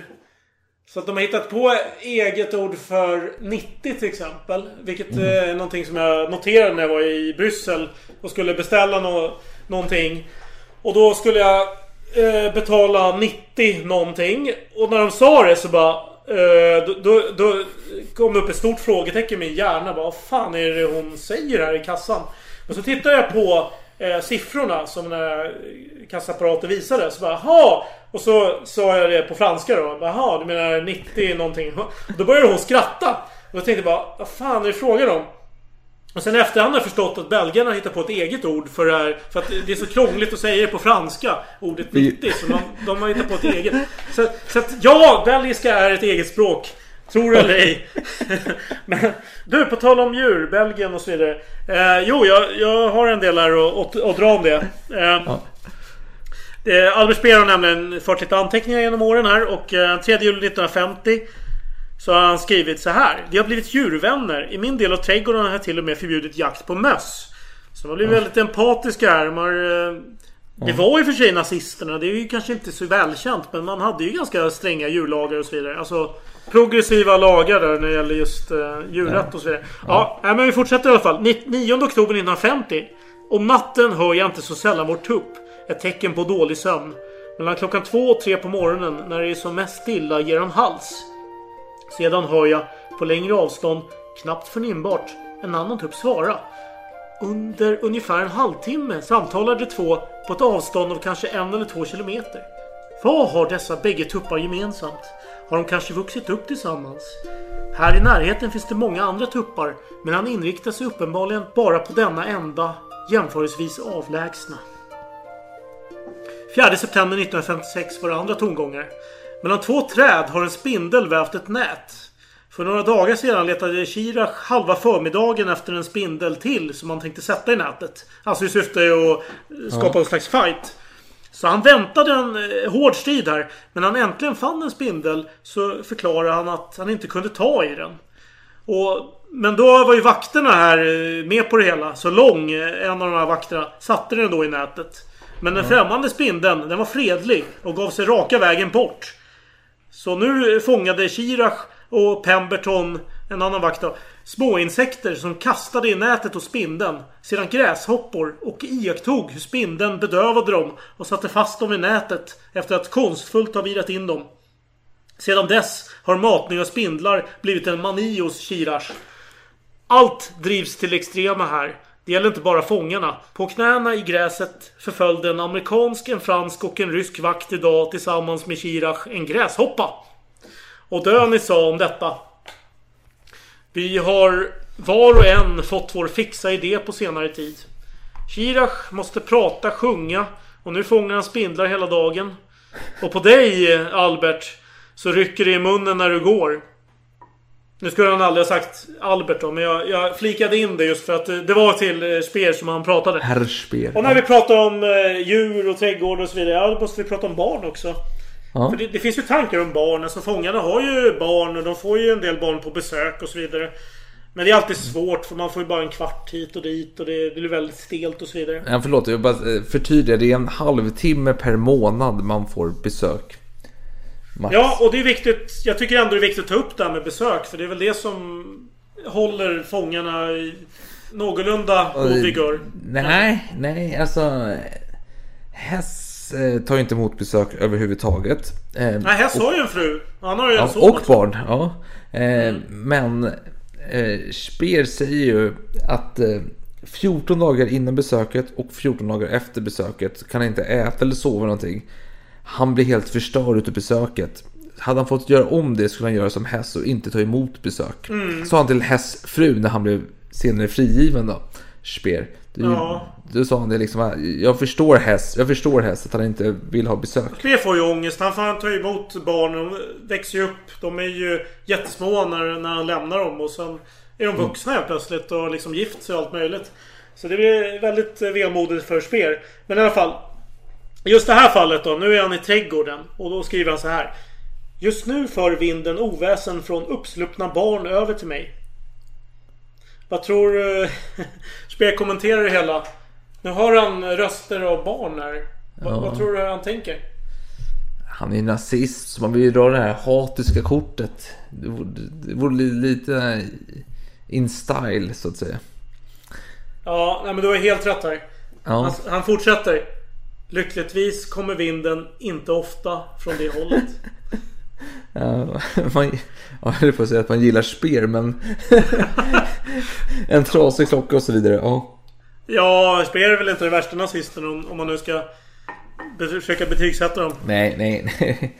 Absolut inte. Nej, Men jag tänker så här. Fan, jag har ju nämnt att på julafton kunde ju de smuggla in lite sprit och sådär. Och det är klart Ja, att det ja, förekom att det kom in lite lyxvaror in till fängelset. Ja. Den första augusti så hände följande.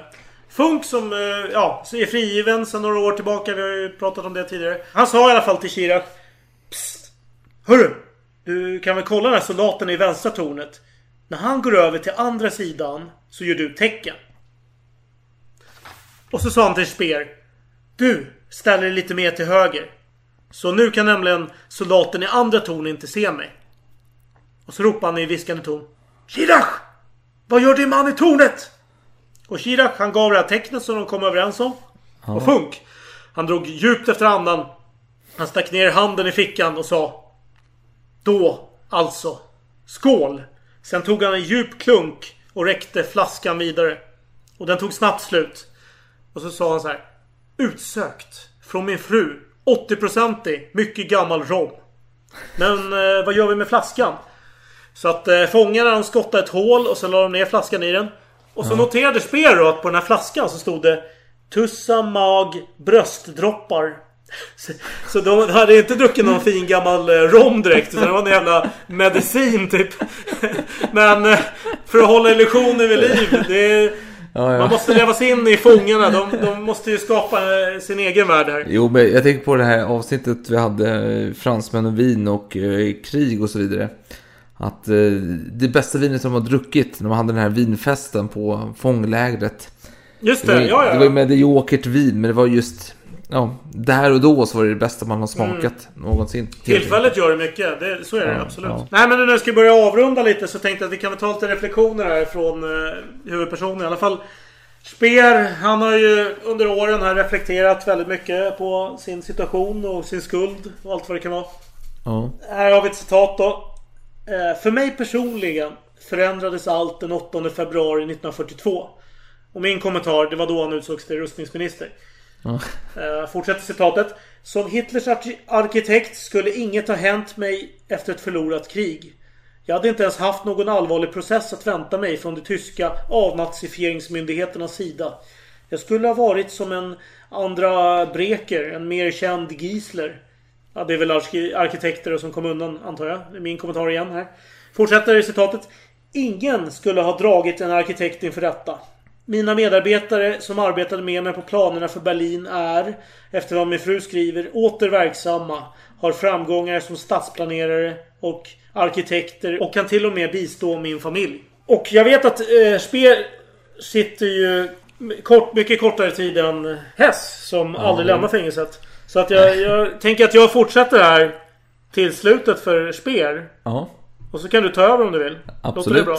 Det låter som ljuv Ja. musik. Ja. Så nu hoppar vi framåt eh, kanske nästan ett decennium här på 60-talet. Eh, sista dagen före frigivningen stod Albert Speer och Rudolf Hess i trädgården.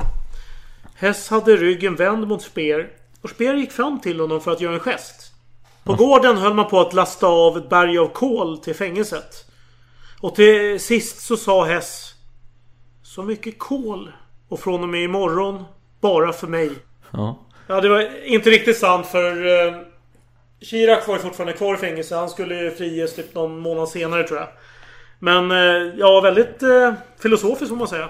Ja, fast nej, de frigavs ju samma, samtidigt. Var det så? Ja. Mhm. Hand i hand gick de Då, ut. då ger du Hess rätt här helt enkelt. Ja, precis. Men Chirac och eh, Speer gick ut hand i hand och sa låt, låt gammalt groll vara gammalt groll. Nu, vi vänner nu liksom. Så gick de ut och åkte iväg med sina nära och kära. Jag ska nämna att Speer försökte ta kontakt med Hess tidigare för han insåg att det här blir ju jättejobbigt för Hess att vara helt ensam. Det hade ju Ja. varit ganska känslosamt när tidigare eh, fångar hade frigivits eh, och så vidare. Det var ju någon slags gemenskap. Men, men Hess han ville ju inte... Han, han ville ju bara vifta bort det. Bara, Nej, håll det kort bara och sådär. Men eh, jag, jag tror Hess eh, hade känslor ändå. Han, han blev lite säkert besviken att eh. Speer försvann. Eh, och vi har en eh, ungerskfödd österrikisk journalist som flyttat till USA sen. Så det är jävla svårt att hålla koll på nationaliteten här. Men hon heter i alla fall eh, Gitta Sereny. Som Mm. skrev en bok om Albert Speer. Eh, som heter Albert Speer och sanningen. Där hon eh, försökt faktakontrollera allting som han har sagt för henne och så vidare. Och intervjuat henne, eh, honom. Och eh, eh, hon intervjuade Speer i slutet av 70-talet, några år före hans död. Hon har bland annat också skrivit om Mary Bell som vi pratade om i avsnitt tidigare. Eh, alltså den här eh, barnmörderskan. I couldn't be friendly to these people, but I could be normal with them. And if, if I hadn't been, they couldn't have told me these things. I didn't particularly like uh, Stangl, for instance. There are people amongst them I quite liked. I didn't particularly like Stangl. I mean, he was uh, the sort of Austrian who was. Uh, uh, Austrian provincials are not uh, particularly likable, you know. Um, But other people you have liked, like Albert Speer and, oh no, I, I liked Speer very much. Yes. and I, I imagine you like Mary Bell. Well, I didn't like her very much, as a matter of fact, no. But I certainly liked Speer. I mean, he was a, you know, I just I was very aware about with Speer. I was very aware that he was he was more intelligent than I, and he was, uh, you know, he was um, he was a superior man. And uh, I knew that I could learn enormously from him. And I certainly have never met anyone from whom I've learned as much as from Speer. You know. It probably didn't hurt that he was, you know, he was a nice looking, youngish, well, youngish. At that time, he was, of course, much older than I, but I mean, he was, uh, he was all right to sit with. You know, he was not disagreeable to sit with. Let's put it that way.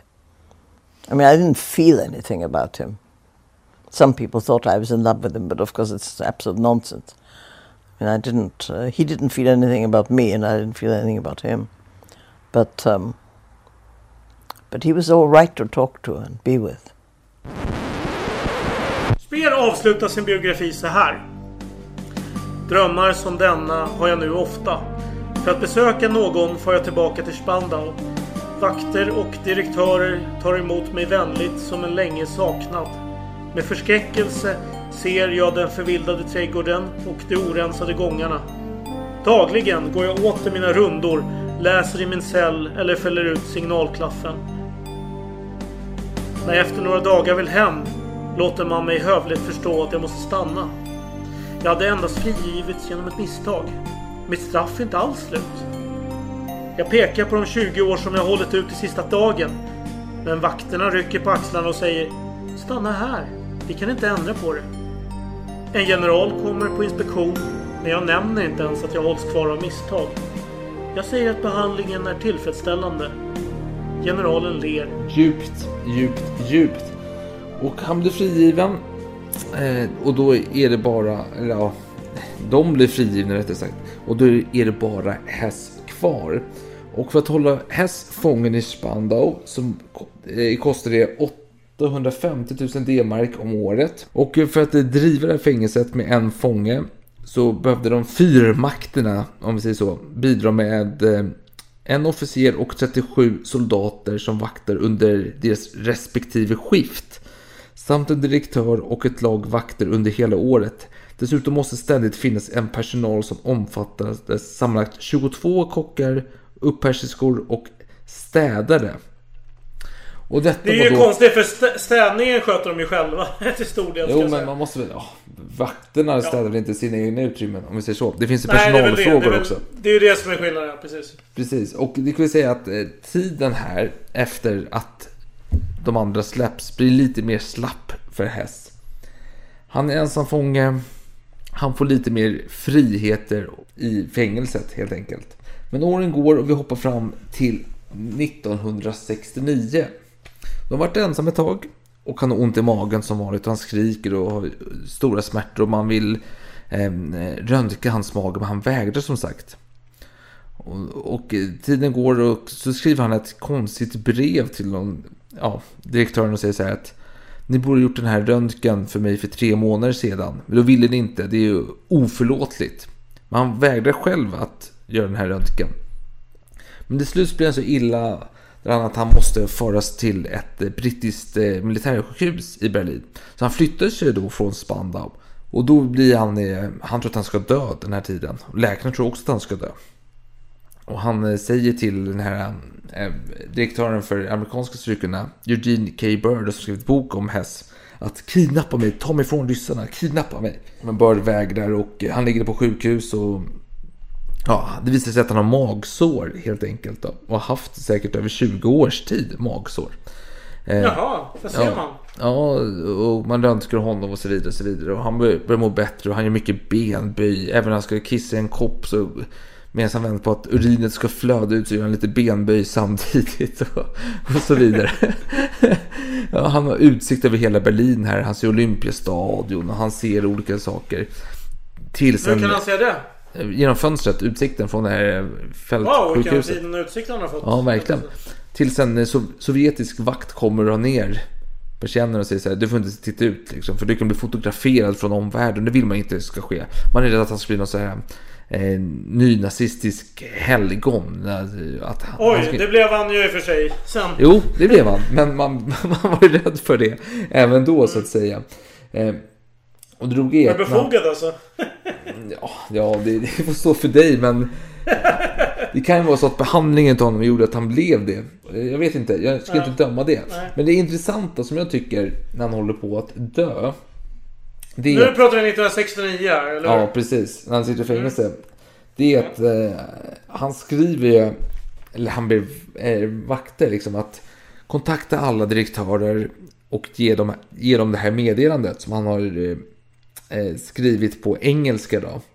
Så här säger han då. Under natten upphörde plötsligt fånge nummer sjus hjärta att slå. Det inträffade också flera gånger under dagen och varje gång var det svårt att få det igång igen. Det betyder att det råder stor fara för fånge nummer sjus liv. Jag ber att de fyra direktörerna håller ett sammanträde med följande personer. För det första, en brittisk hjärtspecialist, en tysk hjärtspecialist, min advokat Dr.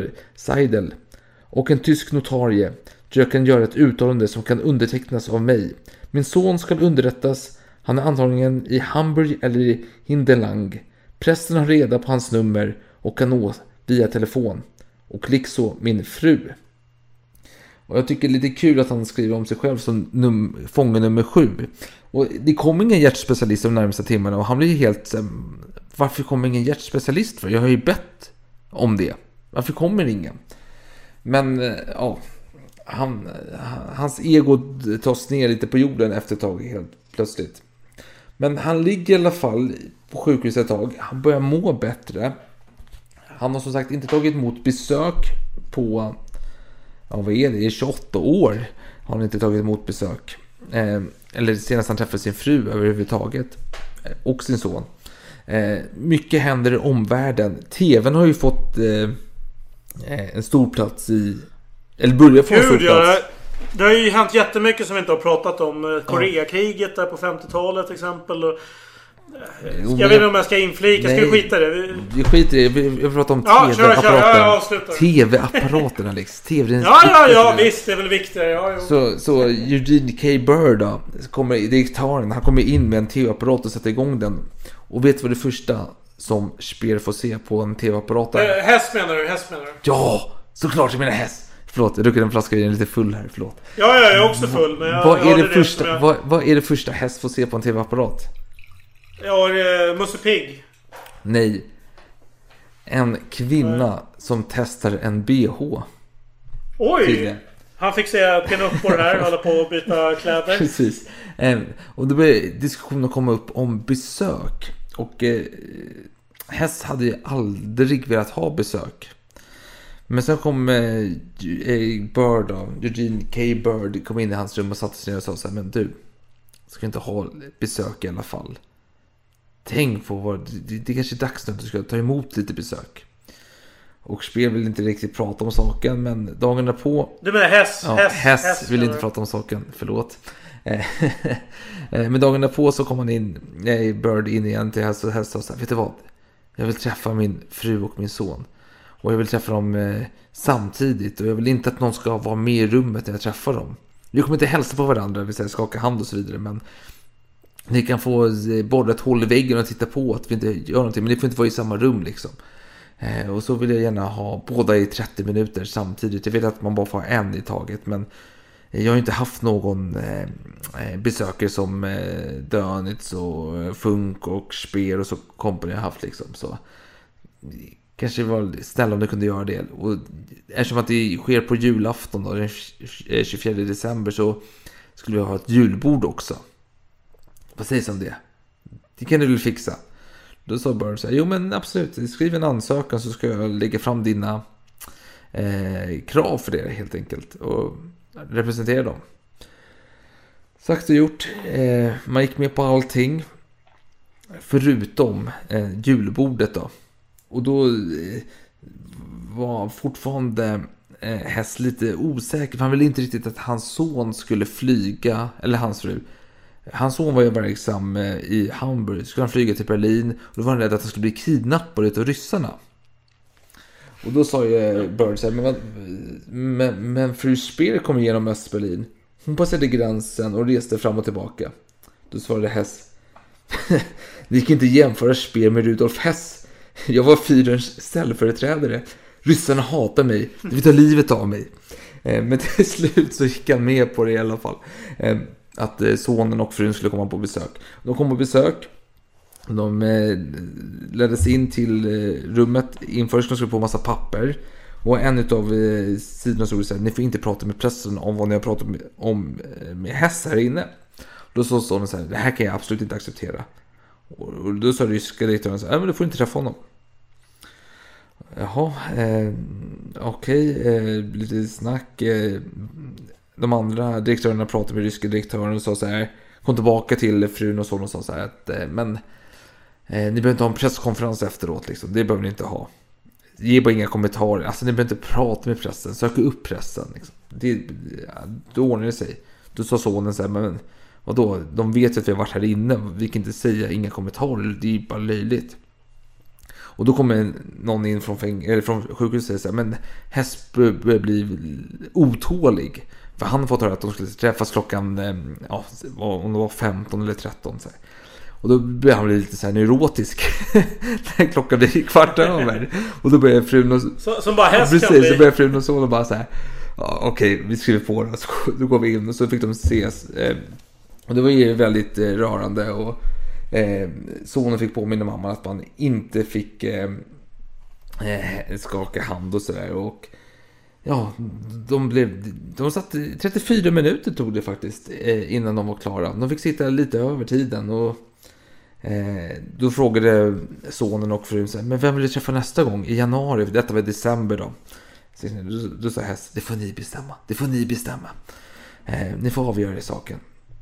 Så gick han ut och han var helt eh, mm, överlycklig då, Hess efteråt. Och, eh, det var lite en fin stund helt enkelt. Och så kan vi nämna att vid den här tiden så hade ju på tal, eh, han hade ju några kockar till sitt förfogande och han fick ju välja mat också. Han fick ju skriva ner vilka maträtter han ville ha. Och kockarna skulle ju överglänsa varandra. Det var en grekisk kock och så var det någon spansk kock och så skulle de överträffa varandra. Det var lite tävling. Vem som var bäst och eh, Ja. här fick skriva sitt omdöme om maten. Så, ja, den här potatisen var lite väl hårdkokt alltså. Ja, de, de lever ju i en liten värld där. Alltså, det, är, det är fascinerande då. Jo, verkligen, verkligen. Och är att eh, eh, Bör då, eh, direktören för USA, eh, han vill ju ta in ett eh, kylskåp till Hess. Eh, och nu hoppar jag lite. Hess är på sjukhuset eh, och eh, han vill ju bli frigiven. Men sen blir han, inser han liksom att jag kommer inte bli fri, men jag kommer, jag kommer dö i Spandau. Jag kommer hamna tillbaka Nej. i Spandau. Jag kommer dö där. Jag förstår det. Jag kommer dö i Spandau. Och det här med, det här med falska förhoppningar, det är någonting som eh, även Speer råkade ut för. Efter ungefär 10 års fångenskap. Då gick ju ryktena om att, eh, att de skulle bli frisläppta. Ja. Men sen kom någon vakt någon dag och sa så här. Alla de här ryktena jag har hört, de är falska. Ni kommer absolut inte bli frigivna. Och då blev det så här jättedeppig stämning. Hela fängelset alla blev jättedeprimerade. Så ja, det är sånt som händer. Och, eh, Ja. Inte kul. Nej, nej, det, det- det, tar på förtroendet, så att säga. eller på eh, själen. Så att säga. Nej men eh, Hess eh, vill alltså han, han intalar sig själv och han säger till bara liksom att jag vet jag kommer dö i spann och jag, jag, jag, jag har förlikat mig med den sanningen helt enkelt. Du, jag vill bara säga en sista Mm. sak där om just eh, Hess. Att han var ju den sista fången.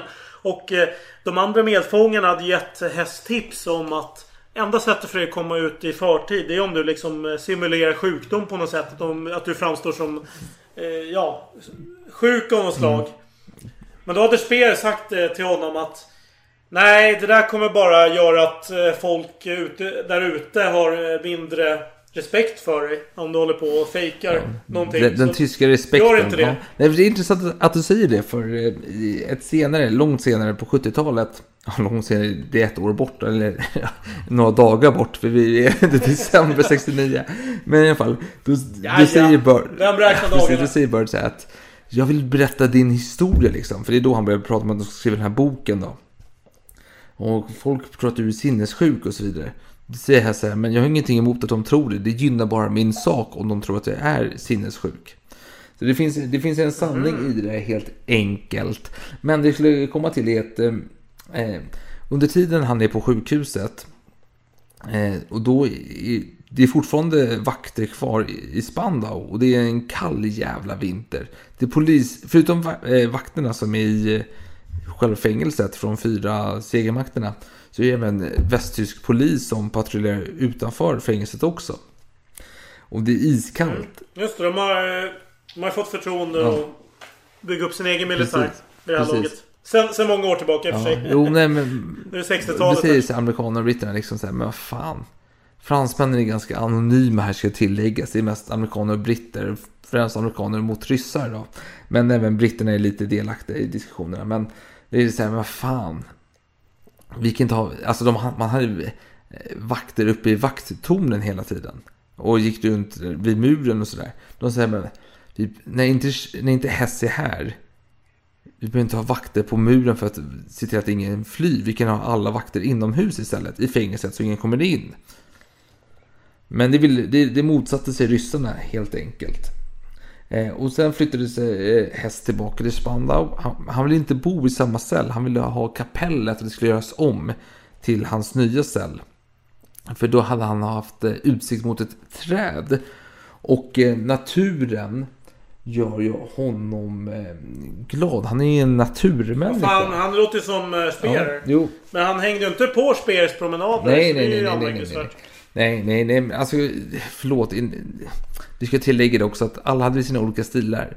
Speer pratade med vakterna och sa så här, nu ska jag gå från Australien eh, över kontinenten här till Kina, bla bla bla. Och Speer gick med sin trenchcoat och eh, händerna bakom ryggen, framåtlutad över huvudet, gick en, som en enslig person runt hela gården själv då. Så du kan tänka att han är lite som eh, en liten enstöring som går Han- pratar om med sig själv. Han gick runt eh, 9 km om dagen i genomsnitt och hans rekord var jag tror det var ganska extremt. Det var typ 5,8 km per timme. Så det är otroligt högt gångtempo får För säga. häst eller? Han eh, klockade ju sig... Nej, nej, nej. Speer. nej. Nu pratar vi om Speer. Ja, nej, men jag tror att häst gick igen. Häst har ju... Gick häst? Jo, men det väl, förlåt, jag, jag, kanske, jag kanske sa spel, men jag menar häst, häst gick med händerna bakom ryggen, Mm. framåtlutad trenchcoat och pratade för sig själv. Jaha, för Spe- Speer hade ju också trenchcoat. Ja, jo, alla alla trenchcoat på den tiden. Den gick ju på auktion där, den där Speers trenchcoat. Så det var ju någon eh, judisk ättling till Speer i USA som köpte den. Okej, okej, okej. Så He- Hess var också en naturmänniska så det, det kunde man ju inte... Nej, han gillade att gå i berg han tyckte att naturen var det som var eh, skönast för människan och friska luften och så vidare. Det var det som gjorde en människa stark och bla bla bla bla bla bla. Det tror man verkligen inte. Men det, det jag tänker om Hess är, det är ju den här anmärkningsvärda eh, flygresan han tar till Skottland. Där han flyger helt själv ut med bara en jäkla karta. Helt utan hjälp. Och sen hoppar han fallskärm ner. Jo. Ganska nära ändå den platsen han skulle ha landat vid. Men han har slut på bränsle. Så det är ju anmärkningsvärt. Det är ju otroligt skickligt på något sätt. Han, han hade lätt för eh, flyget var som ett kall för honom sa han själv. Men i alla fall, han hade ju också Mm. så här fåglar och skit som han tog hand om och matade hela tiden. Så när han var på sjukhuset var han lite orolig för de här fåglarna. Och när han kom tillbaka till sjukhuset så blev han ju glad när han fick eh, mata dem igen. När han får frågan så här att snart är det dags för er att mata fåglarna igen. Så säger han så här, jo, jo, jo, jag är en stor naturälskare. Jag tycker det är intressant att stå och iaktta fåglarnas rörelser. Kråkorna är vänliga mot varandra, men de är också avundsjuka. De skriker och kraxar hysteriskt när de får syn på mat. Både måsar och kråkor är mycket mänskliga. Kråkan är fegare. Medan jag står och matar fåglar kan en flock måsar plötsligt komma flygande. Och då drar kråkorna sig tillbaka. De svarta fåglarna drar sig alltid tillbaka inför de mindre och svagare vita fåglarna. Även om de vita är färre. De svarta fåglarna håller sig på aktningsvärt avstånd och ser på inkräktarna. Men de företar sig ingenting. Människor reagerar förstås annorlunda när de möter inkräktare av en annan ras. De går till angrepp mot dem som stör deras rättigheter. ja. Ja, ja, intressanta teorier. Hur man får natur, ja, vetenskap pratar om rasbiologi. Helt Jag, enkelt. jag känner mig för berusad för att försöka analysera Ja, anal- slutsatser. Nej, men, men jag har, jag har ett kapitel här. För det som händer, han är ensam fånge. Han får äta vad fan han vill mer eller mindre. Eh, han går i, Mm. I sin trädgård och han klagar på att ryssarna Eh, hallonbuskarna eh, blommar och bär, och bär eh, frukt, och, eller vad man säger, bär bär, rättare sagt, eh, under ryssarnas månad. Så de länsar ju allting, helt enkelt, buskarna. Ja, ja. Just det. Det var när de andra fångarna var kvar, Ja. vill jag minnas. Det var någon rysk eh, sadistisk vakt som åt upp alla frukter hela tiden. Alltså jord, röda jordgubbar. Så då hade fångarna målat eh, eh, omogna jordgubbar med någon så här röd äcklig färg. Och då hade man sett hur den här ryska vakten hade stoppat i sig det och sen bara "Åh!" började spotta och fräsa. Och så började alla skratta liksom. Ja, jo. Det var något... Men, men Hess var glad att, eh, att plommonträden inte blommade eller bar frukt då, eh, under ryssarnas Mm. månad. För då hade de ju plundrat det också. Så han, han sa ju till de här kocken som tävlade om hans gunst av att laga bästa maten att eh, kan inte ni köra en plommonpaj här till mig? Kan ni väl fixa och så vidare. Så vidare. Eh, men ska tilläggas att eh, Bird då, som var amerikansk direktör ville att han skulle ha här skulle få en kyl så han kunde ha sin mjölk och juice kall. Ja, det pratade du om för typ en halvtimme Ja, sedan. precis. Så Men nu kommer jag till punkten. Nu kommer jag till punkten här. Ja. Eh, det- Och då är det så att eh, ryssen vägrar. Och då säger Hess, den före detta, han bara, jo jag förstår. Jag lever bättre än 75% utav den ryska befolkningen. Ja, han ljuger ju inte. Alltså, det är sant. Nej, och det finns väl en stor sanning i det eh, konstaterandet tänker jag mig. Över hela fångenskapen. det. att många av de här fångarna lever ju ändå bättre än vad gemene ryss lever. Ja, och gemene tysk i början där av Absolut, fångenskapen i och med... absolut, absolut. eh, Ja. Återuppbyggnad och så vidare. Nej men, eh, nej men, och du säger så här, eh, rys, alltså amerikanerna och ryska direktörerna kommer överens att vi har en kyl hos eh, vakterna. Och eftersom att eh, häst kan gå lite fritt överallt här liksom. För han har ju inte, när han bytte cell till eh, kapellet så hade han ingen toalett i cellen. Och det tyckte häst var trevligt. För han tyckte det var oartigt att ha en toalett när han tar emot eh, besök. I, i form av vakter Mm, och så vidare. Att, men vad fan, titta på min, Ja. min, min toalett. Det är lite otrevligt liksom. Här sitter jag och eh, tömmer avföring i den här Vem, liksom. ku- vem kunde ana att eh, häst var så Ja. hög... eh, Hövlig Precis, eller vad- så han kunde, ja, så han kunde gå fram och tillbaka och gå runt. Så kunde han gå till vakternas eh, skåp och ta fram lite kall mjölk eller apelsinjuice. Vadå, vad, vad, förlåt, nu, nu får du backa. Vad, vadå, fick han ett annat Nej, nej han, han bodde i kapellet efter sjukhusbesöket. Ja, ja, ja. Och kapellet hade tillgång till alla nej, nej, nej, men det var ju så att dörrarna höll sig öppna för att han skulle kunna gå. Jag tänker att häst när han begärde att få bo i kapellet, då kanske han hade tänkt de här tankarna. Att, Ja. Att dörrarna är att det finns inga lås och så vidare. Nej, Det kanske var ett bra ställe att bo på. Precis, precis. Nej, men så det, det, blev ju liksom att han, han blev lite friare efter att de andra fångarna hade lämnat helt enkelt. Men nu tänkte jag ha ett, en liten, ett stycke här. Hästs tankar om saker och ting eh, i livet. Mm. Då börjar vi först ut. Tidningar. Säger han så här. Den läsning jag älskar mest är tidningar. Jag läser dem från första sidan till sista. Var dag gör jag anteckningar i min lilla bok. Sedan skriver jag till min son med omnämnande av vissa tidningar och vissa artiklar och eh, han lägger upp pärmar åt mig så att jag ska kunna gå tillbaka till det när jag kommer hem. Den avdelningen av tidningar som intresserar mig mest är insändarspalten. Efter den läser jag politik och bokrecensioner. Tidningarna sätter mig i förbindelse med den fria världen. Det har bidragit mycket till att hålla mig uppe i de åren. Ja, det är väl trevligt. Eh, Ja, och det här måste vara hans senare år för att jag menar den tidiga tiden, det var ju absolut förbjudet att överhuvudtaget jo, det, det här är när, när han är ensam alltså. Ja, ja, ja, men då är det jätteslappt. Och Om ryssar då?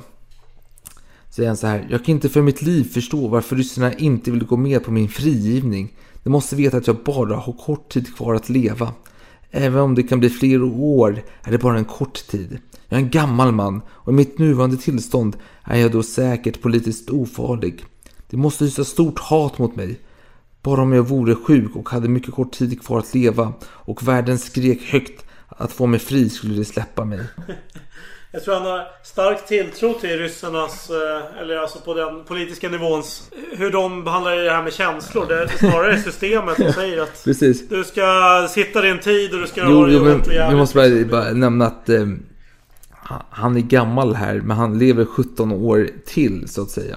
Efter han säger detta. Ja, ja. Och, och, och han dör ju inte naturligt Nej, nej, nej, det gör jag jag absolut inte. Eh, om ödet då, säger han så här. Jag har grunnat på mitt öde. Det ser ut som att det vore att stanna kvar i fängelset. Jag tror mycket på ödet. Man kan inte göra något för att ändra på det. Ödet är för mig lika verkligt som sekunderna som tickar bort på den där klockan. Ja, det är lite djupt filosofiskt eh, häst helt plötsligt. Jag det ska tilläggas att när han kommer i, i, när, när ni är i, fängel, eh, i sjukhuset säger han så här att jag kommer dö i Spandau, jag vet om min lott i livet. När han kommer till Spandau så kommer han säga så här, jag kommer bli frigiven. Jag känner på mig det. Så, så, ja. Ja, okej. Han har dålig känsla där för, Jo. för vad som ska hända. Och eh, om ungdomen då. Säger han så här. Jag hör ungdomens musik på vaktens radio. Av någon anledning kan jag inte vänja mig vid att betrakta det som god musik. Men det är en form av protest. Dagens ungdomar protesterar av många skäl och de vill göra sig hörda. Ett sätt att göra sig hörd är genom musiken. Men jag har nöje av Beatles. Deras musik har en avgjord rytm och på många sätt är deras musik god musik. Jo, men jag får säga så här, mycket av hans tankar, jag kommer komma in på det lite senare, det är väldigt moderna tankar som skulle gå hem i dagens samhälle. Eh, och just det här eh, eh, förståelsen för ungdomarnas protester, det, det klickar ganska bra med eh, socionomsamhället eh, i dagens samhälle kanske. Eh, men då frågar du dig såklart, som alla andra människor frågar sig, vad hans inställning till Playboy. Och detta är en del 1 utav 2 vill jag lov att säga. Eh, Ska du, ska du nämna Speers eh, inlägg i Playboy? Nej, jag, jag, kommer, jag, jag pratade om det förra gången, men jag kommer komma till en sidan Ja, ett år. Men hans Ja. korta kommentar är så här att jag läser inte sådana eh, tidskrifter. Eh, och då säger en vakt här, jag, jag smullade in massa sådana till honom, men han bara puttade undan dem direkt hela tiden. Ja, Mhm. och då frågar du dig vad han tänker om jurister. Och då svarar jag så här. Det är inte något bra yrke att ägna sig åt. Det är det mest oböjliga av alla människor. Det går efter lagens bokstav och blir så bundna av den att de inte kan tänka klart. Ja, det finns en del att fundera över. Ja, vad har du Eh, mer? vi hoppar över berg och natur och så här. Vi går till medicin istället. Så är han så här. Läkarna Mm. säger att jag har angina pectoris, en kärlekramp då. Jag är övertygad om att jag borde skötas av en homeopatisk läkare eftersom att jag aldrig har trott vidare mycket på modern medicin. Jag har för det mesta blivit behandlad av homeopatiska läkare och med stor framgång. Jag tror inte på kemiska läkemedel. Jag tror att allt sammans är överdrifter. Jag tror på naturens läkemedel, framställda till exempel av rötter. Fast man säger mig att min hjärtåtkomma är obotlig tänker jag be om att få en, en bra homeopatisk läkare. Jag är säker på att en sådan skulle kunna göra något för mig. Ja, nej men häst han skulle ju må bra med någon sån här ekologisk eh, gård och äta naturligt. Jo men alltså, och, det, alltså eh, Det är väl väldigt modernt idag att man sitter och kör någon sån här jävla rötter från någon by, så här, obskyr by i Sydamerika som ingen har eh, besökt sedan 80-talet. Där har man återfunnit massa Ja. rötter från en speciell planta liksom, som man ska käka för att få bra hy och sån där skit. Jag kände när jag läste den här biografin att det var liksom aktuella samhällsfrågor som dök upp då och då. Det var ju liksom NATO-medlemskap var ju någonting som man kom in på men väldigt kort. Ja. Och eh, det var även eh, att Speer hade uttalat sig just om, om ryssar att eh, under Koreakriget där då var det eh, Då var det väldigt mycket rysshat bland de västvakterna. De sa så bara att kunde säga saker som bara äh, vi ska döda alla, död åt alla ryssar liksom. Och då hade Speer förfärgat sig lite grann och sagt ja man måste skilja på doktrin och folk. Det är liksom, så att det, det är spännande Ja. alltså hur dagsaktuellt det ändå kan Jo, vara. jo, trots jo. att det är historia. Men då frågar du dig såklart som en, den världsmedborgaren du är Alex. Du är ändå en fransk kerub här. Vad är hans tankar om telepati? Telepati. Eh, pff, telepati. Homeopati är en sak. Telepati låter lite mer eh, flum. Alltså lite mer högre ut på flumskalan här. Alltså mer flummigt. Ja, för... Det är ett mycket sällsynt fenomen. Ryssarna håller faktiskt på att studera det nu. Ju närmare man står varandra, desto mer kan man meddela varandra på det sättet. För hundratals år sedan var det inte ovanligt att människor korresponderade på telepatisk väg. Jag har ofta varit på samma våglängd som min hustru. Då är det telepati som har förekommit. Det finns mellan djur. Varför inte mellan människor? Mm. Ja, Ja. Ja. Jag, jag har inga svar på den frågan. nej. Men vad... kanske är så att häst vet mer än vad jag gör. På tal om 90-talets reklamfilmer, Alex. Kommer du ihåg Ja. reklamfilmen om hästens sängar? Du, det var länge sedan vi pratade om 90-tals reklamfilmer. Men Ja. okej, häst, hästens säng. Ja. Ja. Jo då, det... Jag vet inte om jag kommer ihåg någon reklam specifikt. Men ja visst. Jo, du kommer inte ihåg eh, med hästgnägget och om man, hästar. man Ja, kunde höja jo, upp jo, och så här ryggstöd. Det var så jävla häftigt, high tech allting. Men Ja, du dig... hästen ser ju stort fortfarande. Jo, men du dig vad, vad är hästs syn på sängar? Då säger jag så här. Hästen. ja, Där fick du till det. Då säger jag så här. jag tyckte det. I fängelset sover jag med en bräda under madrassen och därför är det mycket hälsosammare. Det är bra för hållningen och för ryggraden. Man ska aldrig sova på allt för mjuk madrass. Och så fortsätter han då om överdrifter. Säger han så här. Nu för Men du, jag vill bara flika in Ja. här att, att eh, häst vägde ju väldigt lite eh, förhållandevis. Och eh, vad jag har förstått så ska man ha en ganska mjuk madrass om man väger lite. Och en eh, hård madrass om man väger mycket. Så att eh, jag håller inte med hästar. Det, jag har det, förstått. det är mer vad jag vet. Det är mer vad jag vet. Konst. Det kan tilläggas att, han, att han, han kunde växa mellan 46 kilo till 66 kilo på några månader när han var sjuk och inte sjuk och så vidare. Så vidare. 46 kilo, det är extremt. Ja. Mm. Men då sa han så här om överdrifter. Säger han så här. Nu för tiden dricker och äter folk för mycket. Sedan sitter de i sina bilar och beger sig till arbetet, äter lite mer och får sedan hem i sina bilar och äter och dricker och går och lägger sig. Sedan måste deras kroppar bära en börda av extra fett. Hjärtat arbetar på övertid och människan förlorar i intelligens. Igår såg jag en värmetekniker som hade fettvalkar på halsen och stor utstående mage. En sådan människa som inte har något annat i tankarna än att lunka vidare från den ena dagen till den andra för att förtjäna pengar till att äta och dricka och sova.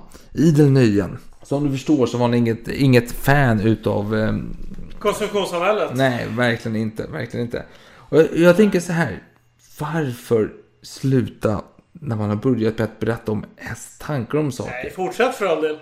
Så jag går snabbt vidare till brittisk politik. För han får ju lyssna på radion här och höra om brittiska valet på 70-talet. Då, 1970 då. Då är så här. Jag förstår det helt enkelt inte.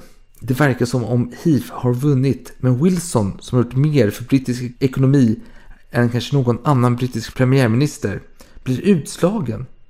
På grund av brist på stöd från fackföreningarnas sida. Har han förlorat valet? Han som har stabiliserat den brittiska ekonomin. Hm. Jag undrar vad Heath och hans konservativa tror att det kan åstadkomma som är bättre. Där ser ni återigen samma sak. Folket om inte gör sitt eget syfte. De vill ha högre löner, men tar sig inte samman och inser att de genom sina krav sågar av den gren de sitter på.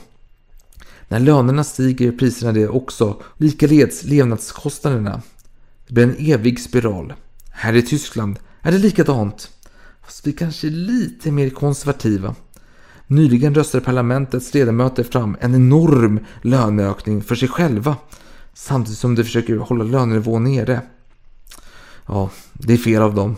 Det borde alltid föregå med gott exempel. Ja, det var ju ovanligt nyktert där från en nazist. Faktiskt.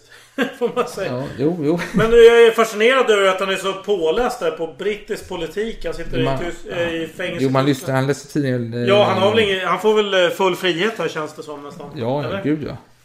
Och då vill du såklart veta hans inställning till eh, Östtyskland då. Ja, gud ja. Jätteintressant. Få höra. Det är så här. De har lyckats ekonomiskt. Men det är en polisstat.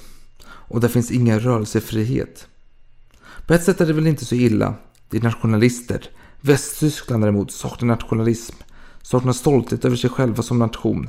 Och så eh, fortsätter han då att säga att Versaillesfördraget är det som är ursprunget till alltsammans. Det var fröet som var frukt i andra världskriget. Under Versaillesfördragets villkor var det omöjligt för en nation att existera.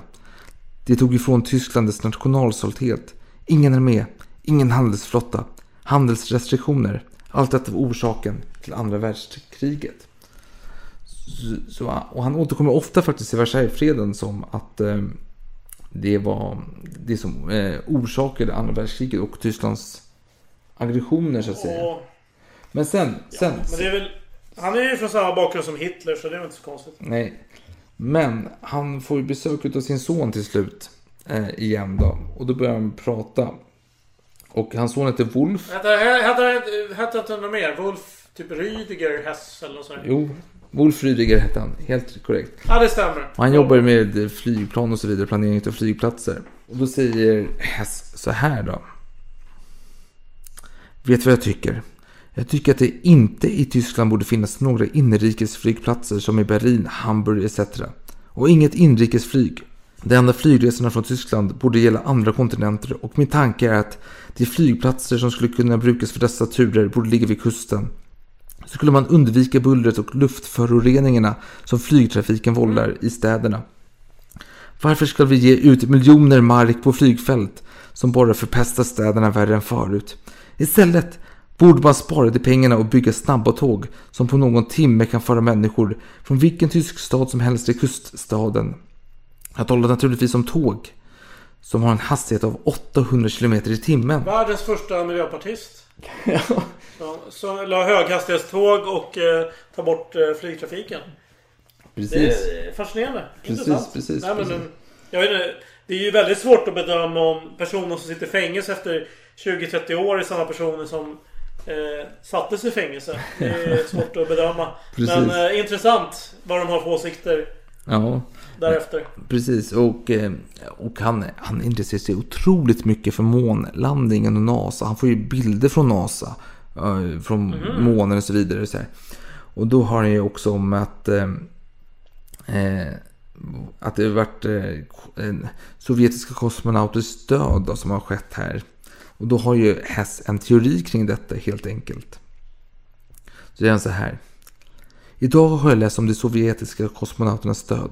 Och nu har jag i så många månader studerat rymdfärder med hjälp av NASA att jag har en viss uppfattning om vad som hände.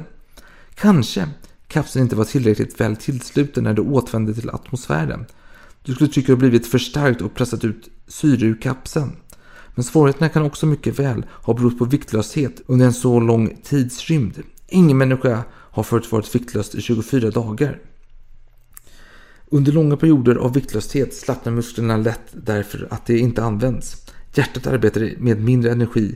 Blodet pulserar inte ordentligt i benen. Hjärtat fortsätter att slå med mindre motstånd än vanligt. Och när kroppen plötsligt återvänder till atmosfären blir chocken att snabbt återtvingas till normal verksamhet för kraftig. Och så uppstår hjärtsvikt.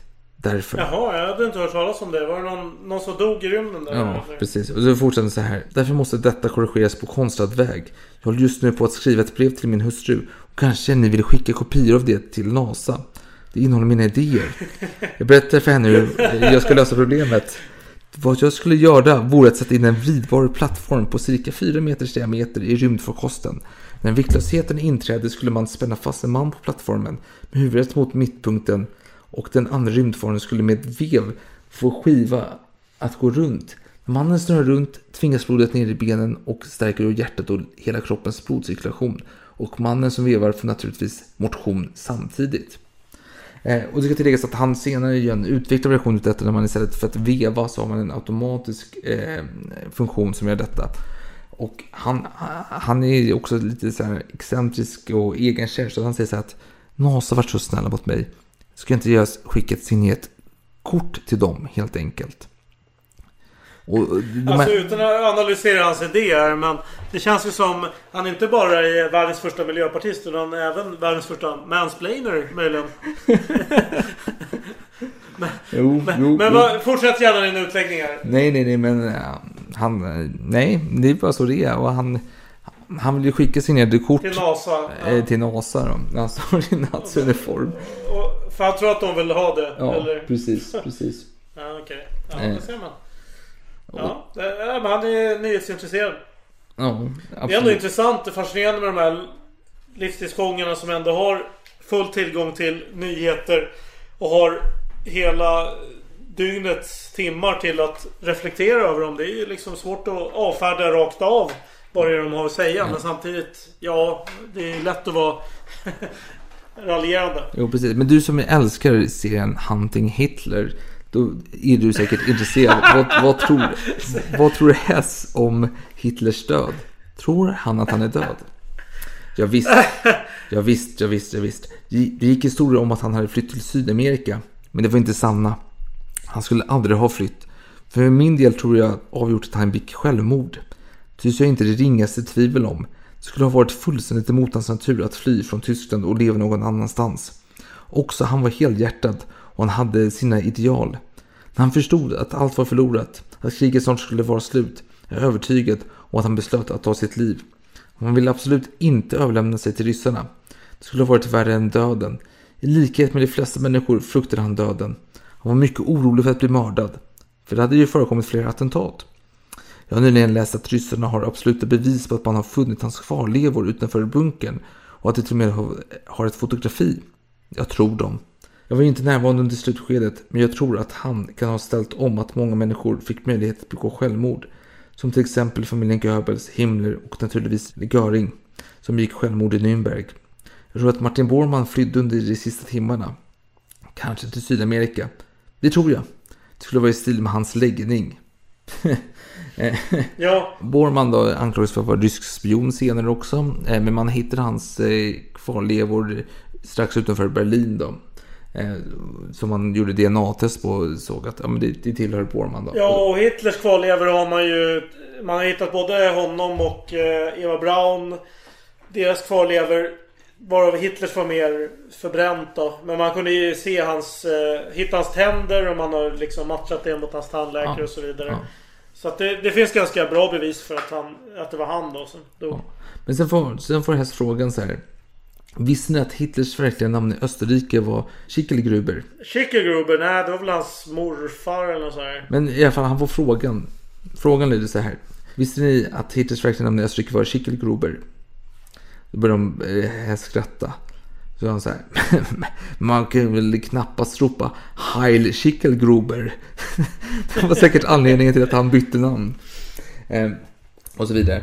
Och, och så kommer den sista, den sista frågan här vi har allesammans. Fast det, är ju- det, det stämmer ju inte. Det var ju hans, hans far Alois Hitler. Hitler var ju någon variant. Men så bytte de så småningom till Hitler. Men det var ju absolut inte Adolf som själv bytte namn. Nej. Så var det inte.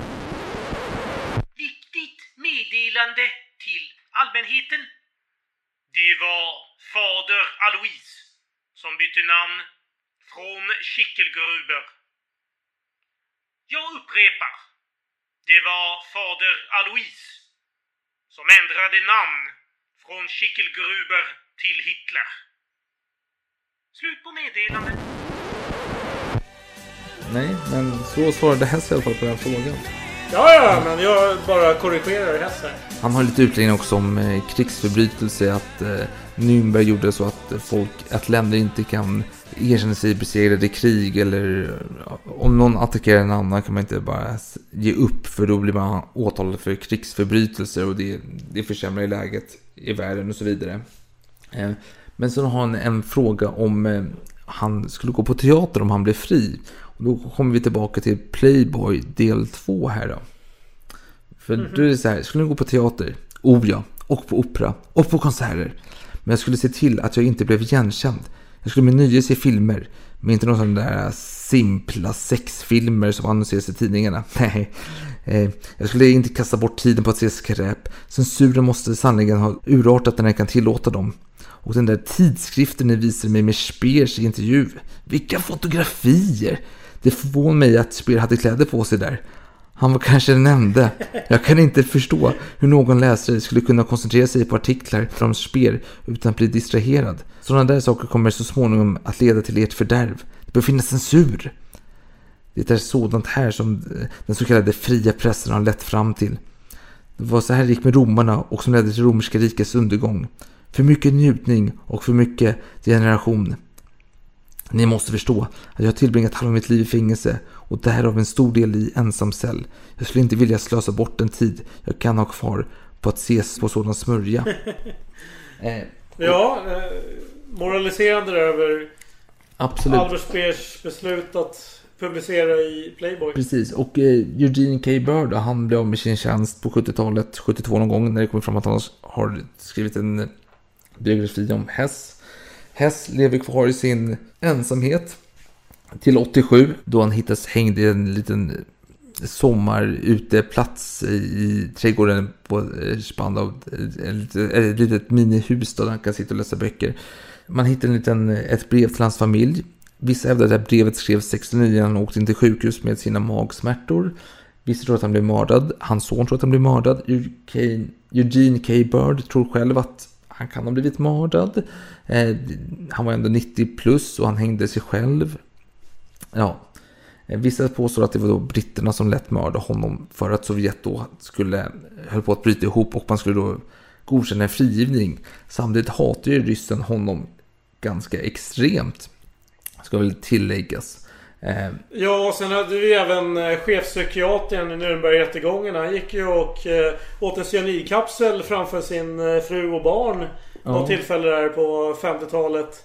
Och För att han, han eh, beundrade Görings sätt att eh, bestämma över liv och död. Att nej, men nu kan jag bestämma över mitt eget liv. här. Jag tar, tar, tar koll på mig själv. Helt enkelt. ja. Så att eh, ja, det händer en del onaturliga döder eh, i den här eh, perioden.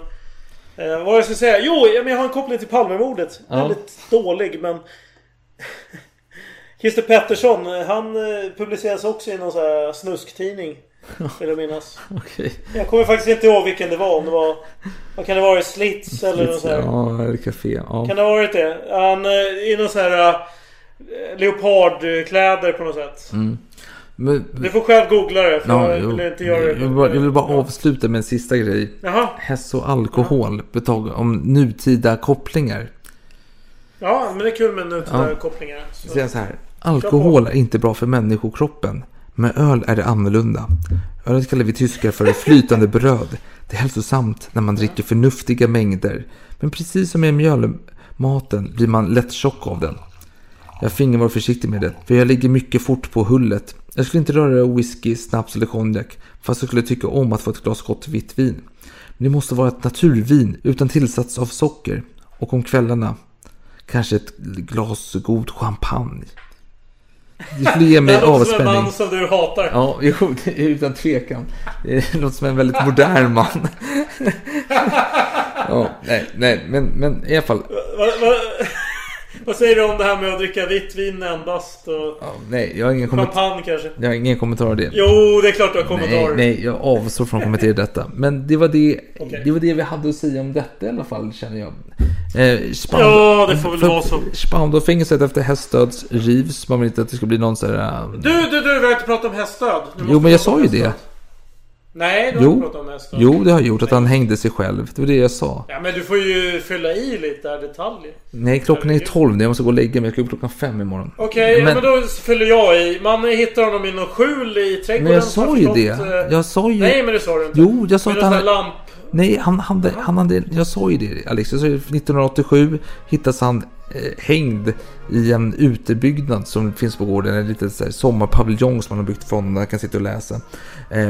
Hans son tror att det är mord. Eugene K. Burr som skrivit en biografi om Hess som Ja, ja, direktör. Burr, Han, ja. han tror också att eh, det kan ha varit mord.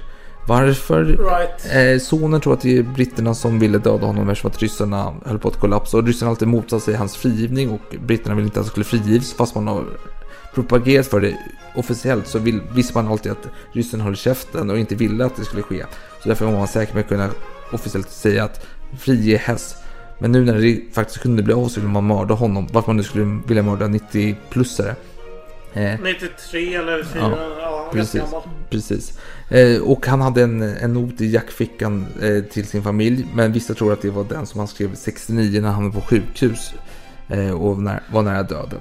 Och det, jag, jag, jag, jag, tänker så här Alex. Det här får bli ett eget avsnitt. Hästdöd kan bli ett eget avsnitt. Vi måste avrunda. Nej, det kommer inte bli Jo, ett avsnitt. Vi avrundar här. Ja. Eh, Spandau-fängelset Okej. revs. Man vill inte Ja. att det skulle bli någon nazistisk eh, helig graal så att säga. Så man rev hela fängelset. Och där är vi. Tack för att ni har lyssnat. Vi finns på Instagram och Facebook och har mejl salongsproducerhistoria.gmail.com Hör av er om ni vill någonting. Tack Alex för denna tillställning. Ha en trevlig resa till Frankrike nu. Du flyger iväg här om två dagar. Ha det så bra. Ja, tack. Skål. tack för det och tack från oss. Ha det så bra. Skål.